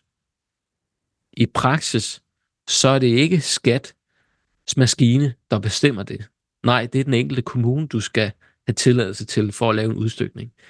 Så jeg kunne godt være bange for, at, at vi om 10 år ser, at nogen har betalt en, en grundskyld med udgangspunkt i, at en grund kunne udstykkes. Og når det så kommer til stykket, og de rent faktisk godt vil have den udstykket, så siger kommunen nej. Fordi så står vi potentielt med, med et issue, hvor at du kan argumentere for, at skat skal til at betale penge tilbage til, til, til den ejer igen. Held og lykke med det. ja, og øh, så, så, så, det, så hvis du prikker mig meget på maven og, og beder mig om at virkelig sige, hvor kunne jeg godt være lidt bekymret for, for den her boligskatteform, så er det noget omkring det her principielle med, med, med, med grunden og, og skats mekaniske vurdering af, om den kan udstykkes. Det skal så siges, de siger, at de laver en manuel gennemgang af alle de ejendomme, hvor det sker. Men selvom der sidder en manuel person hos skat og vurderer det her, mm, så er det jo stadigvæk ikke den samme person, som fem år senere måske skal gøre det i kommunen, når det bliver øh, en realitet, at man rent faktisk vil udstykke ejendommen. Ikke? Mark, så, det, er, ja. det, det har været sindssygt uh, lærerigt at høre dig tale om det her, og også uh, indviklet, så, uh, så vi kunne nemt have fortsat en time mere, så jeg tror bare, at vi vil benytte lejligheden til måske at invitere dig tilbage på den anden side, af, når vi er kommet i gang med det her uh, ja. i januar måned, så kan vi måske tage en snak mere om det, og se, hvad der, uh, hvad der er sket, og, uh, og lige få en, en opdatering på det. Så uh, tusind tak ja. for din tid, det var, det var rigtig, rigtig lærerigt. Selv tak. Ja, mega fedt, Mark. Tak. Vi skal kigge på ugens regnskaber, Mads. Vi starter hos uh, GitLab. Hvordan uh, så det ud? GitLab synes jeg var spændende. Øhm, det, GitLab er jo en DevOps øh, øh, virksomhed. Det vil sige, at man kan bygge øh, sin, sine, sin kode på, øh, på GitLab, øh, som virksomhedskunderne de køber øh, seeds til deres øh, ansatte, og så sidder de ansatte og bygger øh, koden i, øh, i GitLab. Og det, som GitLab hjælper med, det er dels den her Copilot, hvor man kan få GitLab til at skrive noget af koden. Øh, GitLab hjælper også sådan med at scanne, er det her et sikkert program, og virker det? Øh, for nogen øh, tidligere så har man så har man udskudt ud, ud til sin cybersecurity øh, leverandør og have det, have det tjekket og have det scannet og, og, og sådan nogle ting. Men, men der hjælper GitLab fra starten af, så man får bygget det sikkert og rigtigt fra starten af. Der kommer en masse regulation omkring cybersecurity og også omkring governance, øh, datasikkerhed, alle de her ting her, hvor der bliver stillet store krav til virksomhederne fra regulatorerne, og, og det bliver dyrt ikke at, at leve op til det. Og der bliver GitLab en af de løsninger, som, som bare virker øh, fra starten af. Så, og så sparer man programmør tid, øh, og det er også øh, helt vildt øh, spændende. I kan lige prøve at høre, jeg synes det her det var så spændende, det, øh, det han siger under øh, Q&A-sessionen øh, her øh, hvor han, han bliver spurgt om, øh, hvad der kommer til at ske, altså hvor meget han forventer, at der bliver afskedet af koder nu her, hvor man kan begynde at bruge GitLab. Og det han så øh, taler sig frem til, det er, at, at det er slet ikke sikkert, at der bliver brug for færre koder, fordi når software bliver billigere at lave, så bliver der brug, måske brug for meget mere software derude. Måske er grunden til, at der ikke er mere software i verden og flere softwareløsninger, at software er dyr at lave. Så prøv lige at høre det, han siger her. As developers get more productive, they, they write more code, you need to also increase the productivity of security and operation. So we're we're focused on making it work throughout the life cycle. I think you'll see parts of roles being replaced, but what also will happen is that creating software will get more affordable. And I think that will also lead to an increase in the amount of software we're writing. If something becomes more affordable, sometimes consumption goes up and the overall number of people involved increases. Still see a lot of humans being needed in even the medium term, and the productivity going up might be a good thing for uh, the number of people in this sector. Yes, deres omsætning var 150 millioner op 32 procent. De er break-even i operativ cashflow. Um, øhm, enterprise value uh, to sales er 12, altså den her price sales uh, margin. Um, og det er sådan uh, lidt i den høje ende. Det er højere end Sentinel-1, som vi skal høre om uh, lidt længere ned ad vejen.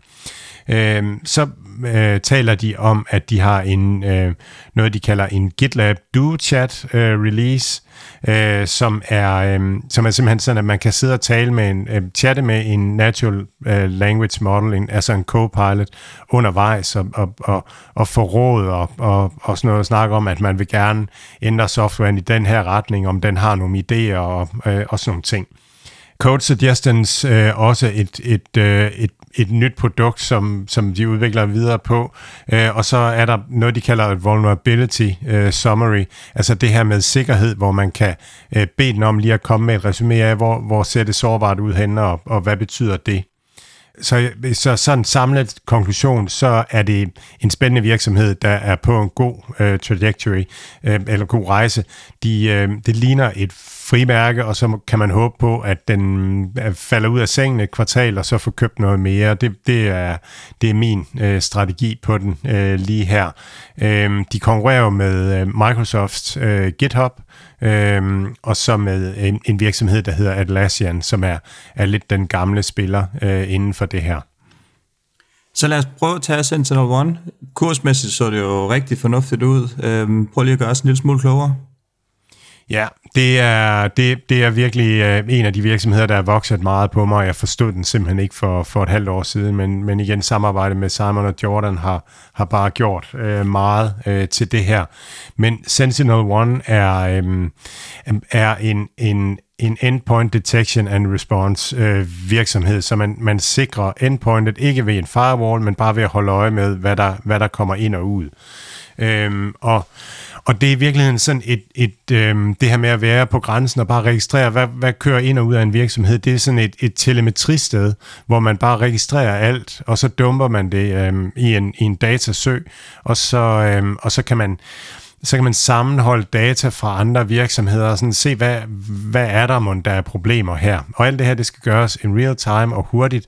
Og der har de faktisk lavet øh, noget, de kalder deres Singularity Database, som er sådan en, en åben database, som egentlig minder om Snowflake, øh, og, og som, som alle kan bruge. Man behøver ikke at bruge resten af deres produkter øh, for at, at bruge deres øh, data lake. Og, og til forskel fra Snowflake, så er den her data lake en, en der virker, altså hvor, de, hvor man, det går hurtigt, så man kan lægge data op hurtigt og ned. Det er nødvendigt, fordi at cybersecurity, det skal være her og nu. Øhm, så, øh, så det, det bygger de på, øh, og der har de deres egen øh, løsning. De bygger det på en virksomhed, der hedder Skatter, øh, som de købte øh, for nogle år tilbage. Så bygger de på noget, de kalder Purple AI. Det er den her AI Copilot, øh, som, øh, som holder øje med, hvad er det, der foregår, og, og foreslår, øh, hvad man skal gøre af, øh, af ting, hvordan man skal håndtere det, der sker, øh, og hjælper dig, selvom du ikke er ekspert. En af de store udgifter hos virksomhederne, det er alle de ansatte, de har i deres cybersecurity-operation. Hvis man får et eller andet, hvis man, øh, øh, man får en masse events i sådan en, en virksomhed, at nu er der breach der, og der er breach der, og, og der er noget et eller andet, der ikke er rart her. Og så skal man tage stilling til, er det noget, man skal gøre noget ved. Og det, det er så noget, der bliver automatiseret fremadrettet. Øh, og der, der er der er, øh, der er Sentinel-1 rigtig, rigtig godt øh, positioneret øh, for fremtiden øh, på grund af datasøen. Datasøen giver indsigt og viden, og så har man altså AI-løsningerne oven i det. Og der, til, man konkurrerer direkte med CrowdStrike. CrowdStrike laver det samme, øh, men CrowdStrike er, er ikke cloud, bygget til clouden oprindeligt. Det er bygget til den virksomhed, der hedder Splunk. Øh, så, så CrowdStrike er en lidt ældre arkitektur, øh, og CrowdStrike kører ikke en åben datasø, de kører deres egen øh, datasø. Så, så øh, Sentinel-1 føles mere moderne, øh, virker mere moderne. Egentlig lidt ligesom GitLab, synes jeg, øh, virker øh, på en, når man lytter til dem. Masser af innovation og masser af nye ting. Så har man øh, en tredje ting, man arbejder på, når det hedder Pinnacle One, øh, som man også taler om her, og det er sådan en rådgiver. Øh, der er mange Øh, virksomheder i dag, når det er sådan, at der sker et breach, så tænker man, nu vil vi hellere købe et eller andet, og så går man ud og køber et eller andet, og så, så bruger man det. Men øh, med Pinnacle One, der får man mulighed for at få rådgivning, øh, altså at få en, en egentlig strategi. Vores virksomhed ser sådan og sådan ud, det, det, det vi nok skal gøre, det er, det er sådan her.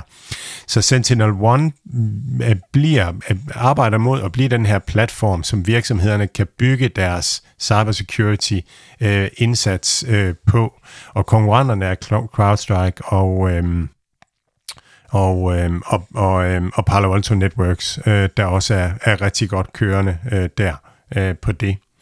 Sentinel One vokser 42 procent øh, i omsætning til øh, 164 millioner. De har 1,1 milliard i cash, og de er øh, operativt frit, frit cashflow negativ med 23 millioner, så de brænder 23 millioner af på driften i kvartalet, og det er ikke noget i forhold til den cashpude, de har, og det bliver hastigt bedre. Øhm, valuation er enterprise value to sales på 8,2, det vil sige, det er, det er noget billigere end GitLab, og, og, og ligger i den billige ende. Det, det virker øh, attraktivt. Det virker som en unge, innovativ virksomhed. Markedet har været skeptisk, fordi at at CrowdStrike øh, er profitabel og er meget større og, og, og sådan nogle ting, men, men det virker som om, at, at CrowdStrike alligevel har en, altså er den her ældre virksomhed, der, der ikke er så på så moderne en teknologi som Sentinel-1, så det er spændende. Og CrowdStrike er virkelig kørt op her på det sidste. igennem lang tid, så, så, så ja, vi holder vægten klart over i, i Sentinel-1 her, øh, øh, inden for det her. Skal vi over til de forkælede øh, kæledyr og øh, Chewy? Ja, Chewy var en non-event. Der, der var øh, omsætningen op med 8% til 2,7 milliarder. Man vokser noget hurtigere end konkurrenterne. Og øh, man ligger lige omkring 0 i, øh, i øh, nettoindkomst, og, og man er lidt operativ cashflow positiv på 80 millioner dollars. Så det, det balancerer, og man, man vokser lidt. Den faldt øh, på starten, fordi at man, man nedjusterer væksten en lille smule, og så kom den egentlig tilbage op til, til 0, øh, faldt 10 procent øh, åbning i, i går, og, og lukkede så omkring 0 jeg, jeg købte noget i går, og havde egentlig håbet på, at den ville falde mere, og købe, og, og, og købe noget mere. Der kommer Investordag den 14. Øh, december, øh, og jeg tror, det er tit sådan nogle dage, når et marked lige sådan får forklaret, det er det her, der sker, og øh, vi har ikke overskud, fordi vi investerer i Canada, og vi automatiserer, og vi bygger for fremtiden. Det er ligesom om, når markedet er, er lidt bedre klædt på med den historie, så, så plejer det at, at, at kunne udløse en stigning på det, der er, øh, virker meget undervurderet. Så det er sådan min strategi med, med Chewy lige nu, det er at, at akkumulere lidt. Desværre så steg den jo bare fra, fra bunden der i, i går. En af årets helt hypede aktier, på trods af den manglende størrelse, man kan sige det sådan, den her C3 AI, øh, ja, havde AI-navnet, og det har hjulpet meget. Hvordan øh, så det her regnskab ud? Øh, at det så ud af pommeren til, øh, synes jeg. Øh, det, det, omsætningen stiger 17 procent til 73 millioner. Øh, og de har 762 millioner i cash. Øh, nu prøver jeg lige at gå igennem, hvordan det ser ud fra toppen af. De omsætter for 73 millioner. Så har de omkostninger på omsætningen på 32 millioner, det vil sige, at de har en bruttoprofit på 41 millioner. Så har de salg og marketing på 50 millioner. Så har de udviklingsomkostninger på 50 millioner, og så har de øh, administrative omkostninger for 20 millioner. Det vil sige, at man taber 79 millioner øh, på, på, på, øh, på det, man laver på en omsætning på 73 millioner. Øh, og så Altså, og så sådan som, som side parallelt i det, fordi at de, de udgifter er bygget ind i det andet, jeg har snakket om her, så har man medarbejder, udsteder man medarbejderaktier for 104 millioner på en omsætning på 73 millioner. Det, det, det, det, virker, det virker helt skørt, umiddelbart. Og så kan man sige, hvis de så hvis de så vækstede, og ligesom, hvis der virkelig var noget, et produkt, hvor man kunne se, at det her, det sparker RØV, øh, ligesom Sentinel-1 eller GitLab gør, jamen, så, så var det okay, fordi så havde man forventning om, at det her ville vende. Men, men her, der, der får man ikke rigtig noget at vide om, hvad det er, de bygger øh, og hvad det er, de egentlig kan, som er AI, så jeg er simpelthen så skeptisk over for, for det. Jeg tror bare, man skal, skal holde sig langt væk, fordi risikoen er for, at bunden går ud af den, er, er virkelig, virkelig stor, synes jeg. Så lad os komme over til en aktie, du er noget mere begejstret for, øh, Broadcom. Ja. Er du stadig begejstret efter det her? Ja, det, det var også lidt en non-event. Altså, de, øh, deres omsætning 9,3 milliarder øh, vokser 4 procent. Prøv så lige at høre det her tal at, at det så genererer driften 4,8 milliarder i, øh, i, i penge, altså øh, som, som man har ud.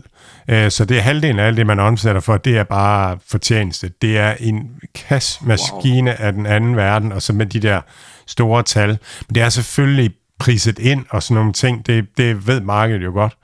De laver netværkschip, de laver Ethernet-teknologi til datacentre og, og netværkschips, og det går godt. Øh, det vokser 23 procent og udgør 42 procent af, af deres chip-omsætning. Øh, og så er der de andre ting, wireless og øh, server storage, connectivity og bredbånd, som, som er svagt lige nu øh, på grund af, af cykliciteten og, og ned, ned cyklus i øh, chipsektoren. Og så har de en, en, en lille software-del nu, øh, som, øh, som udgør, som er 2 milliarder ud af de 9,3 milliarder, som jo kommer til at vokse nu her, hvor man får øh, VMware øh, integreret i, øh, i virksomheden. Og så guider man øh, stille og roligt forsigtigt og, og siger, at man ved ikke, hvornår at, at tingene vender. Men, men altså den her vækst i, i, i bredbånd og den vækst, man forventer i, i VMware, den, den kan ikke sådan løfte virksomheden så meget. Så, så vi skal også have have en, en rygvind fra, øh, fra at, at der kommer mere gang i, i, øh, i tele og bredbånd og, øh, og den del af, af industrien. Så, men, øh, men, men vi kan godt lide den øh, øh virksomheden så her som en, en, en god, relativt sikker øh, investering på, øh, på fremtiden. Øhm, der, der, der har været meget snak om Nvidia, at de har lavet det her InfiniBand, som er den her netværksløsning inde i datacentre. Øhm, og, øhm, og, og jeg snakkede noget med Simon om det, og hans kommentar er jo, at, at, at hele, altså hele, hele den her verden, de, de vil have, hvis Nvidia, de havde den eneste løsning øh, på det her. Så alle vil gerne øh, Broadcoms øh, Ethernet øh, løsning, at den også bliver en standard, som, som man kan bruge. Så øh, ja, så det, det positionerer dem meget godt, at de er alternativ til, at, at virksomheden bliver logget ind af, af Nvidias InfiniBand. Mads, vi slutter lige af med at se, hvordan det går i det amerikanske marked, hvor vi er kommet i gang, og det er egentlig sådan rettet sig noget. Nasdaq nede 0,1, øh, S&P rundt 0, og Dow op 0,5. Så vi har fået kæmpet os tilbage fra lidt mere negative futures, så det er selvfølgelig positivt. Vi håber på endnu en grøn fredag, vi kan gå på weekend på. Og så er der vist kun tilbage at ønske alle en rigtig god weekend, og vi er selvfølgelig tilbage igen i øh, næste uge.